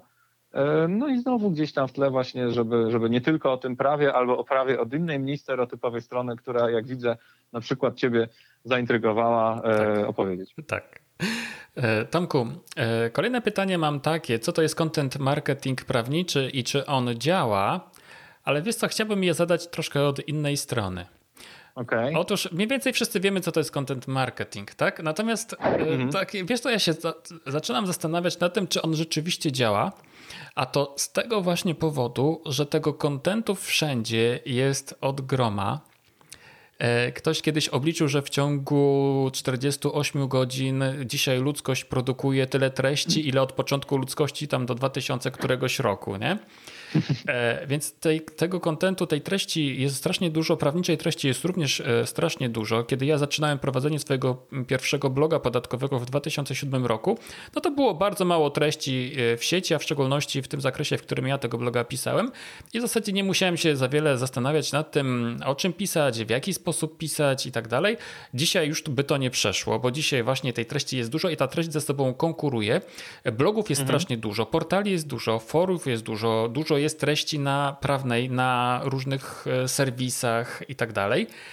Więc, mhm. więc czy ten content marketing według ciebie to ma dzisiaj jeszcze sens? Wiesz co, ja może odpowiem w taki przewrotny sposób. To znaczy, ja nigdy nie zapłaciłem nic za promocję siebie za to, żeby dotrzeć do klienta. Nigdy. Mhm. Nie zapłaciłem, nie miałem reklam na Facebooku, nie miałem, jak to się nazywa, Google Adsów, tak. tudzież AdWordsów po staremu, nigdy, że na jakieś hasło się pojawiam. Nigdy nie zapłaciłem za to, żeby e, gdzieś tam moja reklama, czy tak jak to nasi niektórzy koledzy próbują obchodzić, czyli jakaś kampania informacyjna tak. pojawiła się w gazecie, tak? Nigdy nie wydałem pieniędzy na to, żeby gdzieś się pojawić i żeby dotrzeć do klienta. Zawsze robiłem to w sposób, o którym tutaj rozmawiamy, czyli poprzez content marketing. Mhm. A więc jestem ja żywym dowodem na to, że content marketing jest w stanie wyżywić mecenasa i trzy, cztery osoby załogi, mhm. gdzie no tak jak mówię, nie, nie było nigdy potrzeby, żebym tak naprawdę jakkolwiek wkładał w to pieniądze, bo też to oczywiście, to pewnie, nie wiem czy nie wywołam wilka z lasu, ale no powiem to, to oczywiście to, czy za to płaciłbym ewentualnie, czy coś takiego, to jest temat tego, czy to w ogóle jest zgodne z kodeksem etyki, tak? Mm -hmm, Więc ja nie chciałem mieć tych wątpliwości. Zawsze zdobywałem jakieś tam, jak to się mówi w marketingu, lidy e, poprzez content marketing. Ludzie trafiali, ponieważ widzieli mnie w czyimś e-booku gościnnie, ponieważ widzieli mnie, e, bo wystąpiłem na jakimś wydarzeniu trzy lata temu. Mhm. Ponieważ w tej chwili od roku jestem organizatorem wydarzenia w którym mieście, które się nazywa Cash Mondays. Mhm. Ponieważ poznali mnie jako organizatora wydarzenia, gdzie ja jakby na tym wydarzeniu nie, E, nie mówię o sobie, tylko zapowiadam gości. Tak. Więc to też e, okazuje się generować jakieś kontakty, bo ci ludzie zaczynają mnie śledzić, mnie już jako osobę, na przykład na Facebooku, pewnie po to, żeby wiedzieć, jakie, jakie, kiedy jest kolejna edycja na przykład, tak? Mhm. Ale no przy okazji są e, pół żartem, pół serio bombardowani innym moim kontentem i jestem ich pierwszą myślą, gdy, gdy pojawi się jak, jakaś potrzeba prawna. Mhm. Więc Zdecydowanie jestem zdania tego, że content marketing nie może być uznawany za coś nieskutecznego, bo no, na mojej próbie badawczej, na mojej osobie, ale to nie jest próba badawcza mała jedna osoba, tylko to jest ktoś, kto y, dzień w dzień, tydzień w tydzień, miesiąc w miesiąc, cały czas dzięki temu po prostu prowadzi swoją działalność i, i jakby no, nie umarł z głodu, tak? Więc jest to myślę mocny, mocny argument za tym, że content marketing jest, jest rzeczą wartą uwagi. Mhm. No tutaj myślę, że moglibyśmy też jeszcze długo ciągnąć ten temat, ale może przejdźmy do następnego. Otóż e, pro bono, według ciebie e, mhm. Ma sens praca pro bono? Tak, ja się, ja się też w takie, w takie kwestie angażuję. Myślę, że po prostu jest to, jest to kwestia jakiejś, o powiem w ten sposób, zasad współżycia społecznego. No. Pół żartem, pół serio, wiesz, e, no. zasady współżycia społecznego i te kwestie, ale dla mnie to jest jakaś też moralna potrzeba. Może to też wynika z tego, że ja właśnie się w pewien sposób wywodzę z NGO-sów, tak? No bo właśnie byłem w ELSA, byłem też e, w Fundacji Studenckie Forum Business Center Club, więc zawsze miałem jakiś taki background, że warto zrobić coś dla innych, jednocześnie nabywając jakąś, jakąś tak. wiedzę, tak? Teraz jak organizuję to wydarzenie Crash Mondays, to, to też nie jest oczywiście wydarzenie, na którym ja pieniądze robię. Tak. Zresztą znów moglibyśmy się zacząć zastanawiać, czy ja jako e, radca mógłbym, wiesz, to robić przez swoją działalność. Pewnie nie. Nawet mi to przez myśl nie przeszło. Mhm. Więc y, to też jest wydarzenie po prostu, gdzie ja to robię tak, tak od siebie. Mhm. E, dołączyłem po prostu do ludzi, którzy to robią w innych miastach i wystąpiłem kiedyś na wydarzeniu tym w Krakowie i powiedziałem, ej, to mi się podoba, jestem skłonny robić to tutaj też. Tak. Więc takie robienie rzeczy, czy pro bono wydarzenia, tak jak ja, czy pro bono pomagania w tej chwili tym studentom, e, czy pro bono po prostu udzielania pomocy prawnej, czy jakiegoś, nie wiem, wystąpienia, w moim przypadku jestem czasem proszony o wystąpienie dla grup, które nie mogłyby sobie na to pozwolić ze względów finansowych, czyli na przykład dla NGO-sów, tak? Mhm. Na przykład zrobiłem takie wystąpienie, gdzie wsparłem po prostu gdyńskie, nie wiem jak to nazwać, NGOsy powiedzmy, ale gdyńskich, gdy, gdyńskich ludzi, którym, którym się chce coś robić więcej Mhm. i robią, robią jakieś wydarzenia, miasto mnie o to poprosiło, Mhm. i ym, ro, robią jakieś wydarzenia ci ludzie, a jednocześnie boją się po prostu robić na nich zdjęcia, bo nie wiedzą jak to z tym nieszczęsnym prawem do wizerunku. Mhm. Więc wystąpiłem w tym, w tym zakresie. A jednocześnie warto, myślę, to dodać, choć nie, nie, nie wiem, czy ktoś nie uzna, że nie wiem, że nie wypada, ale ja uważam, że warto to dodać, że mimo wszystko z tej działalności w NGO-sach też zdarza się mieć jakieś ciekawe kontakty, czy wprost mówiąc klientów. Przecież my poznaliśmy się obaj dlatego, że zachciało nam się poświęcić swój czas i energię po to, żeby na Uniwersytecie Gdańskim wystąpić dla tak na oko, ile pamiętam, bo to było parę lat temu, no ale to było z 30 osób, nie Tak, więcej, nie? Tak, tak. Więc chociażby nasza znajomość, która jest, jest fajna, nie? I, i, Tak. i dzięki niej między innymi teraz y, z tobą rozmawiam, wygenerowała się w ten sposób. Albo na przykład to kiedyś już e, chyba, chyba opowiadałem u siebie na Facebooku, ale to też już minęło trochę czasu, więc powtórzę. Kiedyś zgodziłem się wziąć udział w takim projekcie, który e, uczył y, licealistów o zawodach, czyli po prostu przyjąłem zaproszenie do tego, żeby pójść do liceum i na lekcji opowiedzieć, na czym polega zawód prawnika. Nic oczywiście z tego nie miałem, Tak. no bo y, wiadomo, że liceum mi za to nie zapłaci, wiadomo, że ci licealiści nie zostaną moimi klientami. No nie, Tak. tak na logikę, nie ma szans. Tak. A jednak nie pomyślałem o takiej rzeczy, że oprócz mnie opowiadać tam będzie jeszcze dwóch innych facetów Tak. i że każdy z nas miał po kwadransie. Tak. No i ja poznałem tych dwóch facetów i oni obaj już w międzyczasie zostali moimi klientami. Ja w ogóle o tym nie myślałem, zgadzając się. Ja w ogóle nie przeszło mi to przez myśl, jakby, Tak. e, jakby to e, nawet chyba, na, prawdę mówiąc, na etapie zgadzania się na to, na to wystąpienie w tym liceum, ja chyba nawet nie wiedziałem, że, że oprócz mnie ktoś wystąpi. Tak. E, Ja chyba nawet byłem gotowy mówić całe 45 minut. Tak. My, prawnicy, gaduły, to bym sobie poradził, wiadomo, nie? Ale w ogóle mi to przez myśl nie przeszło, że ja mogę z tego mieć jakąś korzyść, a jednocześnie właśnie, właśnie to, że chciało mi się pro bono coś ponad zrobić, ponad tylko siedzenie i, i trzepanie kasy, Tak jest. e, spowodowało, że, że los mnie trochę na to za to nagrodził i jednak ta kasa też wróciła. Więc pro bono warto, bo, bo po pierwsze, jakby streszczałem, bo wiem, że długo mówiłem, ten, odpowiadałem na to pytanie, ale odpowiadałem. Po pierwsze, może się okazać, że to się jednak zwróci, paradoksalnie. Po drugie, dla mnie to jest jakby spłacanie pewnego długu, gdzie ktoś kiedyś znalazł energię na przykład z starszych ode mnie kolegów z ELSA, żeby poświęcić ją mi. E, Po trzecie, no myślę, że po prostu fajnie jest, jeżeli ludzie wiedzą też, że na takiego prawnika mogą liczyć, nawet jeśli w jakiś sposób zostali tak, tak e, ukarani przez świat, przez los, że nie są sobie w stanie bezpośrednio na to jego wsparcie pozwolić. Tomku, e, powiem Ci szczerze, to jest fantastyczne to, co mówisz, a zahaczyłem Cię o temat pro bono nie bez przyczyny. Właśnie chciałem się dowiedzieć, jaki masz stosunek e, do tego, ale powiem Ci, że jak rozmawiam z wieloma prawnikami, którzy odnoszą sukcesy i nawet w tym podcaście tacy też są e, we wcześniejszych odcinkach, to większość z nich podkreśla pracę pro bono jako jeden z podstawowych czynników rozwoju ich własnej kancelarii. No super, super. To też jest okazja nieraz, żeby wyjść trochę ze swojej bańki, bo te sprawy pro bono często są rzeczami spoza tego, w czym się siedzi. Więc Tak. zwłaszcza jeżeli to akurat mnie nie dotyczy osobiście, ale zwłaszcza jeżeli jest się kancelarią, która dzień w dzień, pracowałem w takiej, także od razu przyszedł mi do głowy taki przypadek. Kancelaria, która dzień w dzień robi sprawy o to, że dwa auta się zderzyły. No. Albo teraz modne oczywiście z wiadomych względów są kancelarie, które robią tylko i wyłącznie franki, nie? Tak. Więc jeśli pojawi się jakaś sprawa pro bono, to bardzo często to jest okazja, żeby trochę wyjść z bańki i z tego takiego skostniałego myślenia i po prostu sobie przypomnieć, że jak się na przykład poszło na to prawo, to może po to, żeby się rozwijać, żeby stawać się w jakiś sposób lepszym, a niektórzy wierzę naprawdę w to, że niektórzy poszli też po to, żeby zmieniać świat. No i właśnie te sprawy pro są do tego lepszą okazją niż trzaskanie w kółko na tym samym wzorze pozwu. Tak jest, tak jest. Tomku, tak jak słucham ciebie, to mam wrażenie, że jakbyśmy się w jednym korcu maku urodzili, bo mamy bardzo podobne wartości. E, A widzisz, pod, podstawiłeś mnie, taka prawda. Słuchaj, a gdybyś mógł coś zmienić w sposobie wykonywania zawodu radcy prawnego, to co by to było?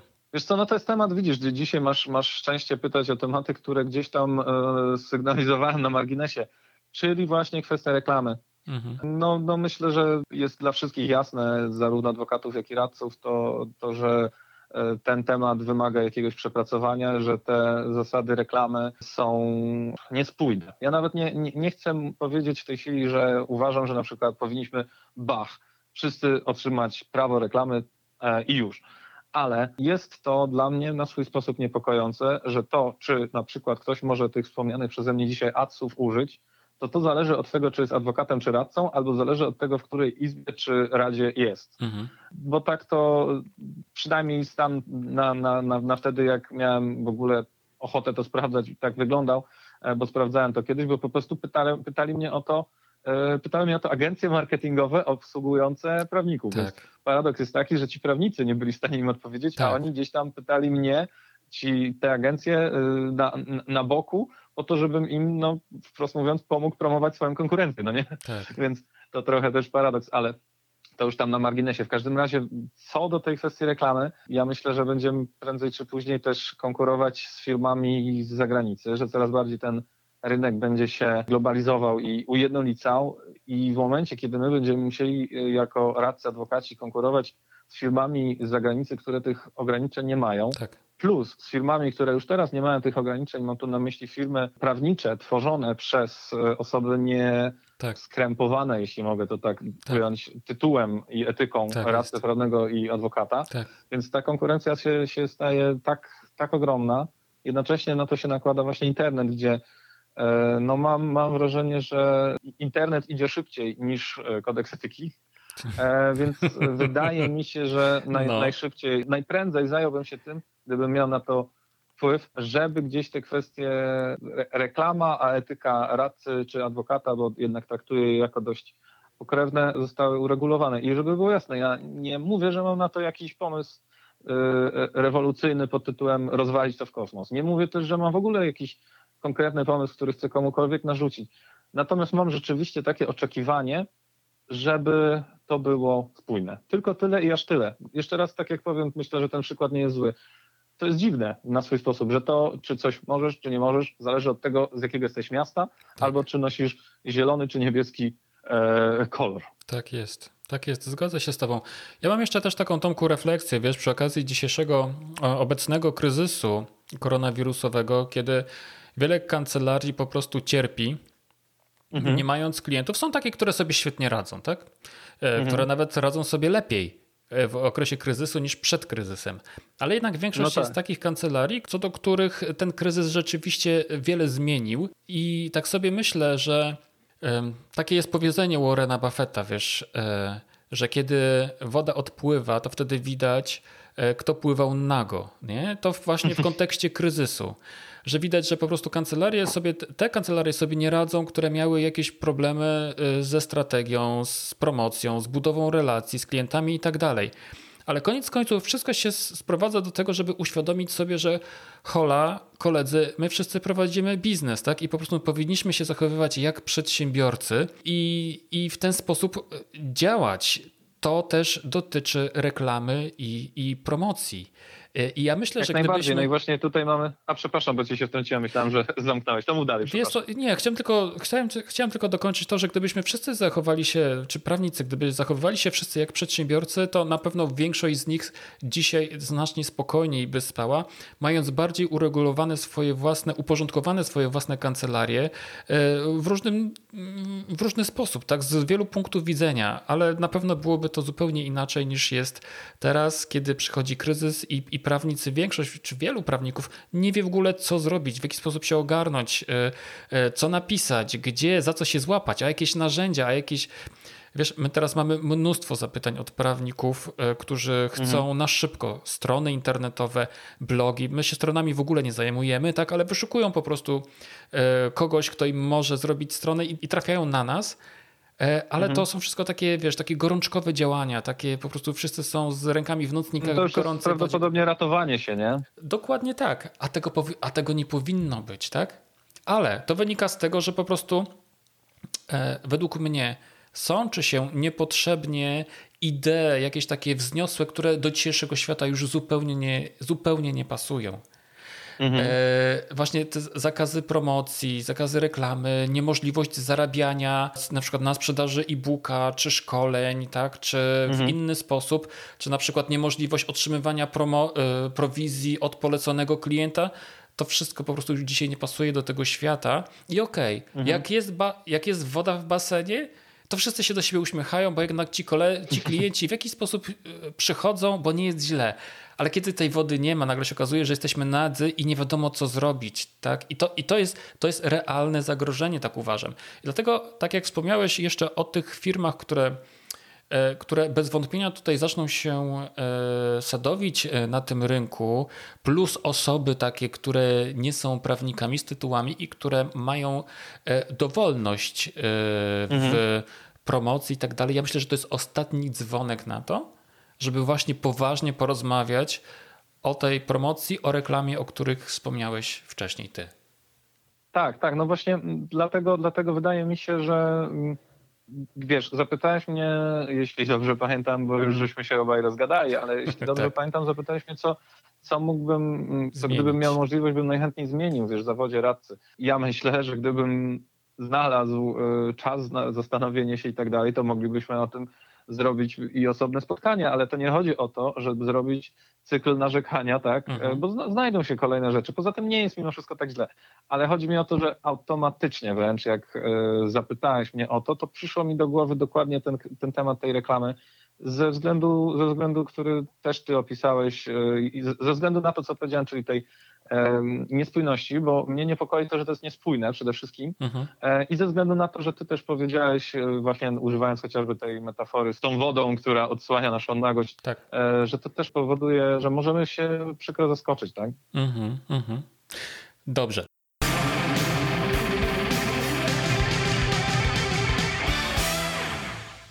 Tomku, przejdźmy w takim razie do kolejnej części ostatniej naszej rozmowy. E, powiedz, jaką masz radę dla początkujących kancelarii i początkujących prawników? Hmm. Wiesz co, myślę, żeby się nie obawiać internetu, bo sam teraz jakby trochę mi ją podpowiedziałeś, opowiadając o tych osobach, które teraz, y, gdy jest już trochę późno, decydują się generować jakby swoją obecność w internecie. Więc ja bym sugerował nie bać się internetu, sugerowałbym coś, co też gdzieś tam już nam się przewinęło, czyli nie bać się być ludzkim. Emocje, cała ta rozmowa, więc moglibyśmy ją tak, tutaj wkleić. Tak. I co bym zasugerował prawikom rozpoczynającym, w sensie, że założyli swoją działalność, bo rozumiem, że takich pytasz, tak? tak? Świeżo tak powstała jest. kancelaria, tak? Tak jest. To bym przede wszystkim może nawet w pierwszej kolejności, tylko te dwie rzeczy najpierw przyszły mi do głowy, bo o nich rozmawialiśmy, ale powiedziałbym, żeby skupili się mocno na tym aspekcie biznesu żeby nie odpuszczali okazji do nabycia wiedzy o byciu przedsiębiorcą, tak po prostu zwykłym przedsiębiorcą. Mhm. Myślę, jestem praktycznie pewien, że mnóstwo osób nie zdaje sobie sprawy z tego, jak wiele mm, na przykład czasu poświęca się jako przedsiębiorca miesięcznie tylko i wyłącznie na robienie przelewów.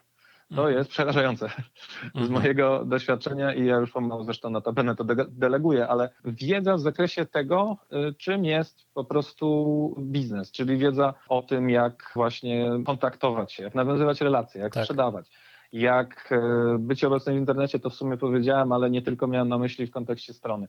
O tym, jak biznes prowadzić, o księgowości warto wiedzieć oczywiście, choć tak. jest to w naszym kraju temat na tyle skomplikowany, że lepiej go wiedzieć, a jednocześnie lepiej go zdelegować tak. i mieć po prostu jakąś obsługę księgową. Tak. Więc ja bym po prostu y, podpowiedział y, zaczynającym działalność, bo już trochę prowadzę i też już zdążyłem widzieć na przykład młodszych kolegów, którzy zdążyli się otworzyć i zamknąć niestety, mhm. żeby nie zaniedbywali tego aspektu po prostu prowadzenia biznesu i głupiego, oczywiście w dużym, dużym cudzysłowie, głupiego Excela na przykład, gdzie zdarzyło mi się widzieć ludzi, którzy E, na przykład wynajęli sobie w jakiejś prestiżowej lokalizacji miejsce, biuro i w ciągu kilku miesięcy okazało się, że po prostu ich na nią nie stać mhm. i musieli sobie się z tym pożegnać, a wynikało to w gruncie rzeczy w mojej ocenie z tego, że przyjęli założenie, że jak już się zakłada kancelarię, to dzieje się magia i ludzie przychodzą. A to nie wygląda niestety aż tak. Gdybym ja, jeżeli te osoby na przykład miesięcznie miały wydawać w tej prestiżowej lokalizacji, nie wiem, 5 tysięcy, tak, na czynsz, to lepiej być może byłoby te 5 tysięcy zainwestować w promocję, to to, żeby ci ludzie przyszli, a ten czynsz y, móc sobie zapłacić za jakiś czas i poczekać chwilę. Tak. Więc takie, takie po prostu biznesowe rzeczy, budżet, y, Tak. ta- ta- takie rzeczy, które ja y, gdzieś miałem okazję nabywać, rozwijając się, żyjąc wśród prze- przedsiębiorców i jednocześnie ich wspierając, więc to się jakby osmozą przenikało, tak? Ja Tak. też byłem częścią takiej organizacji, która jakby polegała na tym, że przychodził ktoś i mówił, mam pomysł na biznes. I ten ktoś wówczas dostawał obsługę księgową, prawną, y, biznesową, kadrową i tak dalej. Ja byłem odpowiedzialny oczywiście za tę część prawną, tak? Tak. Więc, ale jednocześnie ta wiedza gdzieś tam się przenika.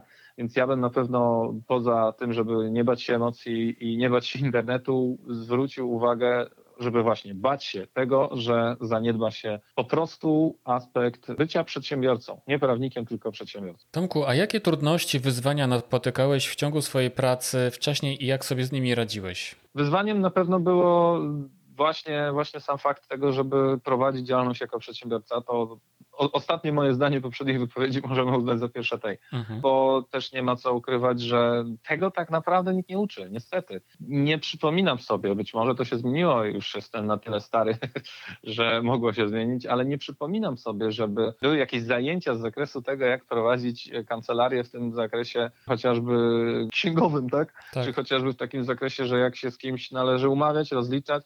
Z tego też powodu tak fajnie i bardzo też polecam tych, tym z nas, którzy e, jeszcze nie mieli okazji tego widzieć, e, ma ta działalność Kasi, która właśnie się nazywa Jak prowadzić kancelarię. Bo to są pytania, gdzie no zdecydowanie wiele osób sobie może je po prostu zadać, nie? Tak. I tak naprawdę no, to było wyzwanie, gdzie miałem okazję trochę, trochę uczyć się, też nie ma co ukrywać na błędach, e, no bo nie było innej metody, nie było kogoś, kto by mnie tego uczył. Wtedy jeszcze Kasia chyba też nie działała, a jeśli działała, to z kolei ja o tym nie wiedziałem. Tak. Innym wyzwaniem na pewno było to, że branża, w której ja się poruszam, czyli właśnie startupy, marketing internetowy, social media, to jest branża, gdzie często prawo brutalnie mówiąc nie nadąża. Mhm. I musiałem niejednokrotnie mówić swoim klientom, nie wiem. Mhm. To nie jest coś, czego klienci, wiesz, oczekują Tak. albo za co chcą zapłacić. Tak. E, więc musiałem niejednokrotnie powiedzieć swoim klientom, nie wiem, ale to nie dlatego, że się nie przygotowałem, że się nie postarałem, tylko nikt nie wie. Tak. Po prostu prawo jeszcze nie miało się okazji tym zająć, tak? Ja i tak robiłem jakąś analizę i, i tak ta analiza, pochwalę się, właściwie zawsze się sprawdzała, tak? Tak. Ale musiałem gdzieś umieszczać jakiś niejednokrotnie na przykład akapit yy, mówiący o tym, że a na ten temat prawo nie powiedział jeszcze nic. Bo to są właśnie takie, takie też niestety możliwości. No i trzecie wyzwanie, jeśli można tak nazwać, to jest to, że przez jakiś czas jest się za młodym. Tak to ujmę.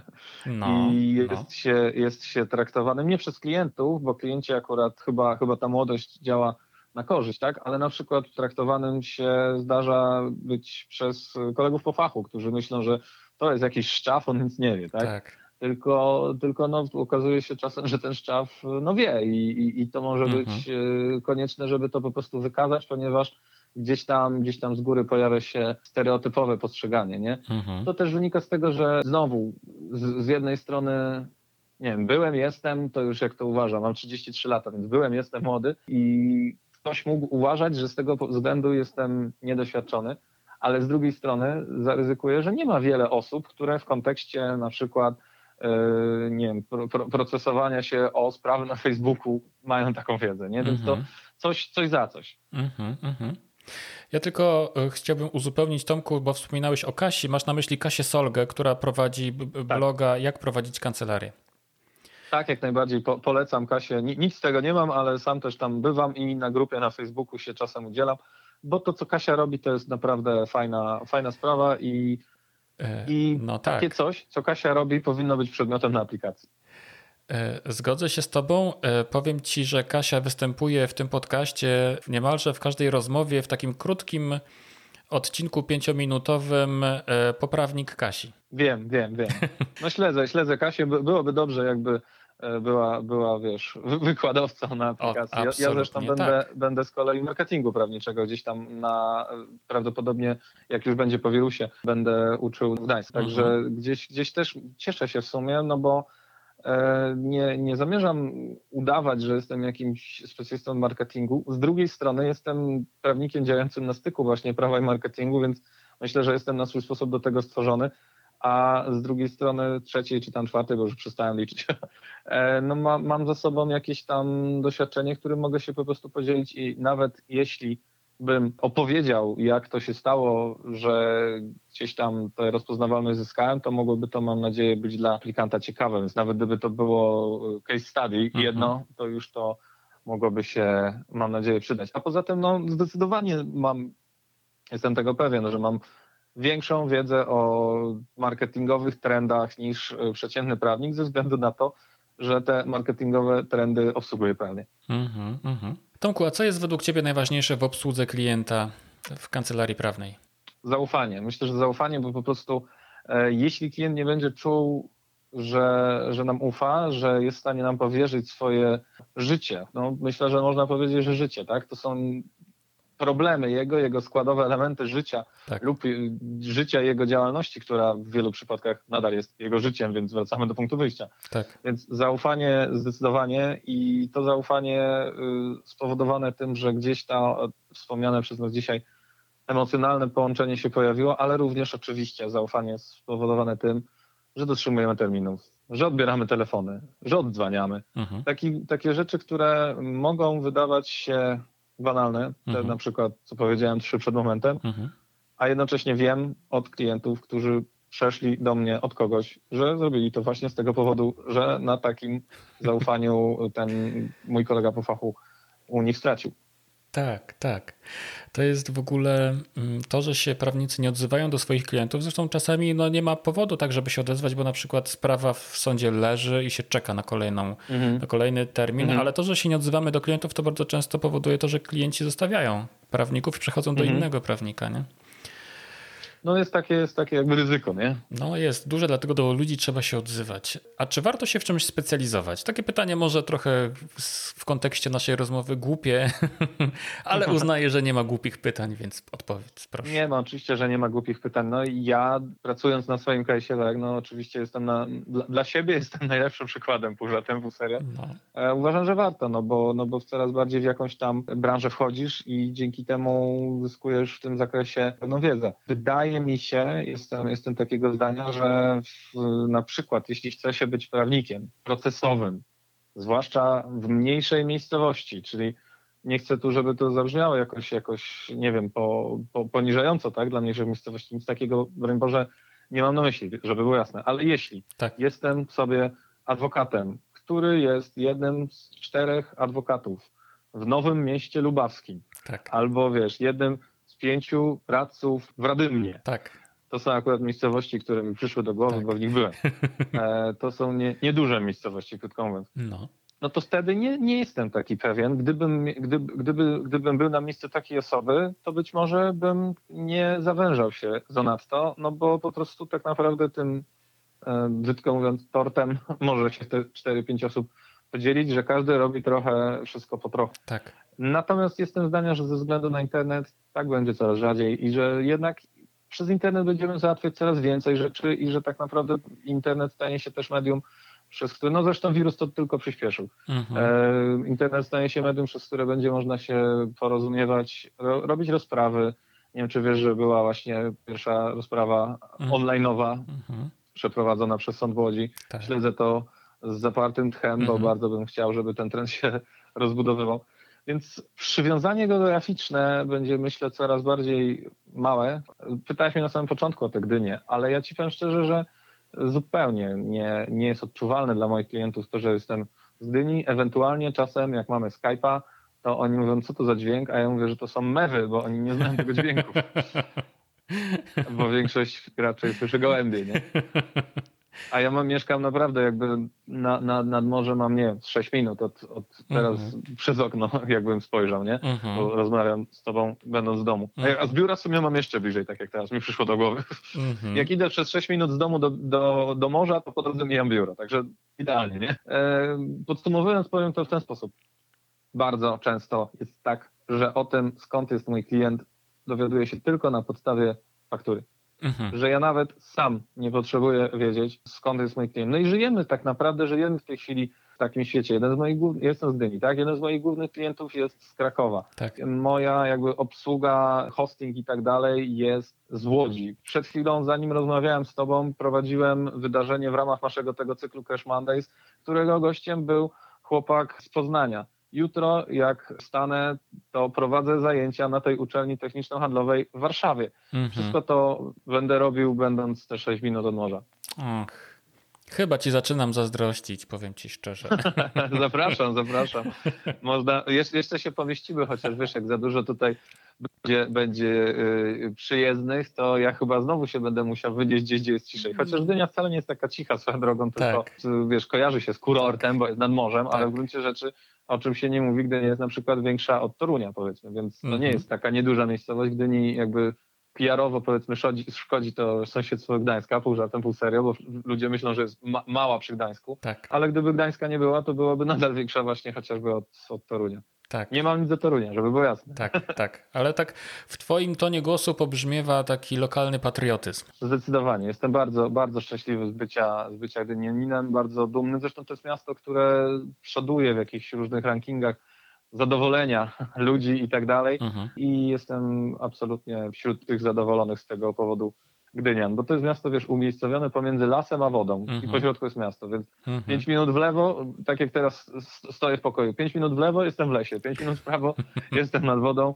E, Po środku jest, jest miasto, które na szczęście nie jest jakieś, nie wiem, zakorkowane. Smogu u nas nie ma, bo, ten, bo ta Tak. bryza to wszystko wywieje, Tak. więc w sumie jest spoko. E, Tomku, a z jakich udogodnień technologicznych korzystasz na co dzień w swojej pracy? Jakieś aplikacje tajemnicze, coś takiego? Używasz takich rzeczy? E, korzystam jak najbardziej, wręcz powiem, że jestem e, niejednokrotnie jakimś takim, nazwijmy to, beta testerem. No i oczywiście są też narzędzia, które są używane nie tylko przeze mnie, takie jak e, Autenti, takie jak wkrótce do Lexa, myślę, że mogę to powiedzieć, pojawi się udogodnienie w pewien sposób grupujące orzeczenia, to ja też tam byłem Mhm. współpracownikiem, więc też miałem dostęp do tego narzędzia wcześniej i tak dalej. Mhm, mhm. E, A teraz, Tomku, moje ulubione pytanie. E, Co, Oho. co koniecznie każdy początkujący prawnik powinien przeczytać? Wiesz co, jestem przekonany, że powinien przeczytać książkę. O Jezu, zapomniałem autora, widzisz, ale y, wygoogluję sobie, która się nazywa Jak rozmawiać z nieznajomymi. Aha, To jest książka o tym, y, w ogóle nieprawnicza. Tak. To znaczy, nie, nie, nie- nie chciałem podpowiadać. No wiesz, teoretycznie powinien, mogłem odpowiedzieć Ci na pytanie, co powinien przeczytać początkujący prawnik, powiedzieć, że KC i KPC, nie? no, Albo że pamiętnik adwokata, ale zakładam, zakładam że te książki już. y, każdy po- przeczytał. powinny stanowić, wiesz, bazę, Biblię.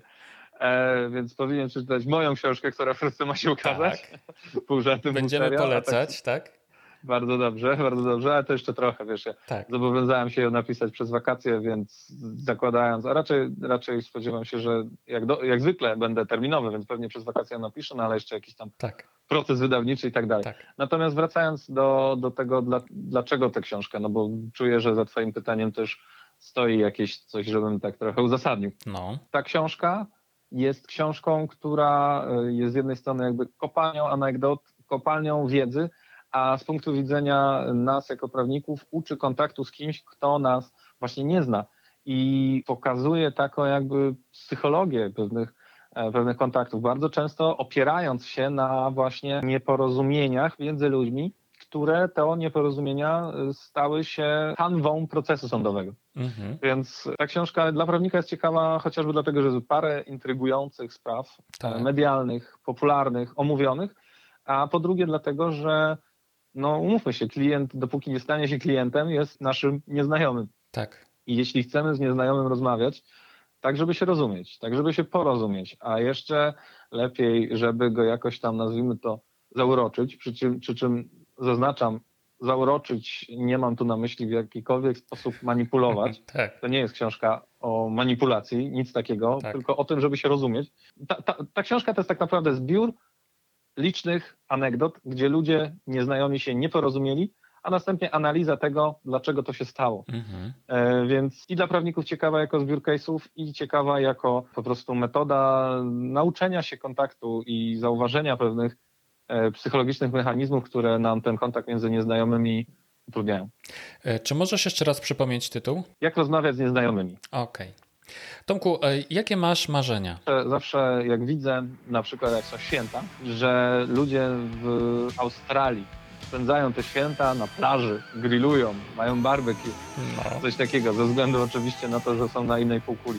Więc chciałbym e, Australię odwiedzić, e, bo myślę, że to w ogóle jest ciekawe miejsce, wraz z Nową Zelandią, która oczywiście jest osobnym państwem, ale mam nadzieję, że to już by się udało pakietem. Tak. I chciałbym to zrobić wtedy, gdy u nas jest zimno, czyli po prostu uciec przez zimą na, na przykład w okresie świątecznym. Bardzo jakby byłoby to dla mnie śmiesznym, śmiesznym wydarzeniem i, i takim, które na pewno pamiętałbym zawsze. Mhm. E, zrobić to, co robią Australijczycy, czyli właśnie choinka jest wbita na plaży, oni są na grillu e, i, ta, i tak u nich wygląda, wygląda normalne.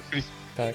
Tomku, chciałem Ci podziękować za rozmowę. Dzięki też. Chciałem Ci podziękować za rozmowę. E, Z tej rozmowy przyświecają mi takie trzy, e, trzy takie myśli. To jest autoresponder, to jest TikTok i media społecznościowe i to są emocje. Jedne z ważniejszych rzeczy, myślę, o których e, rozmawialiśmy, wszystko było ciekawe, ale te, te też jak najbardziej, jakby tak szczególnie mi utkwiły w pamięci. Jasne, nie, no, ja ro, rozumiem, że wybrałeś to, a nie wiesz, święta w Australii. Dziękuję Ci bardzo serdecznie. Ja myślę, że to już jest czas na to, żeby zakończyć naszą rozmowę, a moglibyśmy jeszcze dłużej rozmawiać, bo już rozmawiamy godzinę i 38 minut. I ja też muszę, mieć, muszę wziąć pod uwagę cierpliwość naszych słuchaczy, że ile można rozmawiać, słuchać Chmielewskiego. Goście są zawsze przyjemni, ale Chmielewski to się powtarza co jakiś czas właśnie w tym, czy zawsze To już musiałaby być, wiesz, długa droga do kancelarii, nie? Bardzo, bardzo długo. Tomku, No ja, ja takiej długiej nie mam, to wyniknęło pośrednio, ja tam z 3 minuty 4 idę. Ja przypomnę naszym słuchaczom, że gościem tego odcinka podcastu w drodze do kancelarii był pan mecenas Tomasz Palak, radca prawny z Gdyni. Tomku, jeszcze raz bardzo serdecznie Ci dziękuję za rozmowę. Dziękuję również, do zobaczenia, do usłyszenia. Do usłyszenia.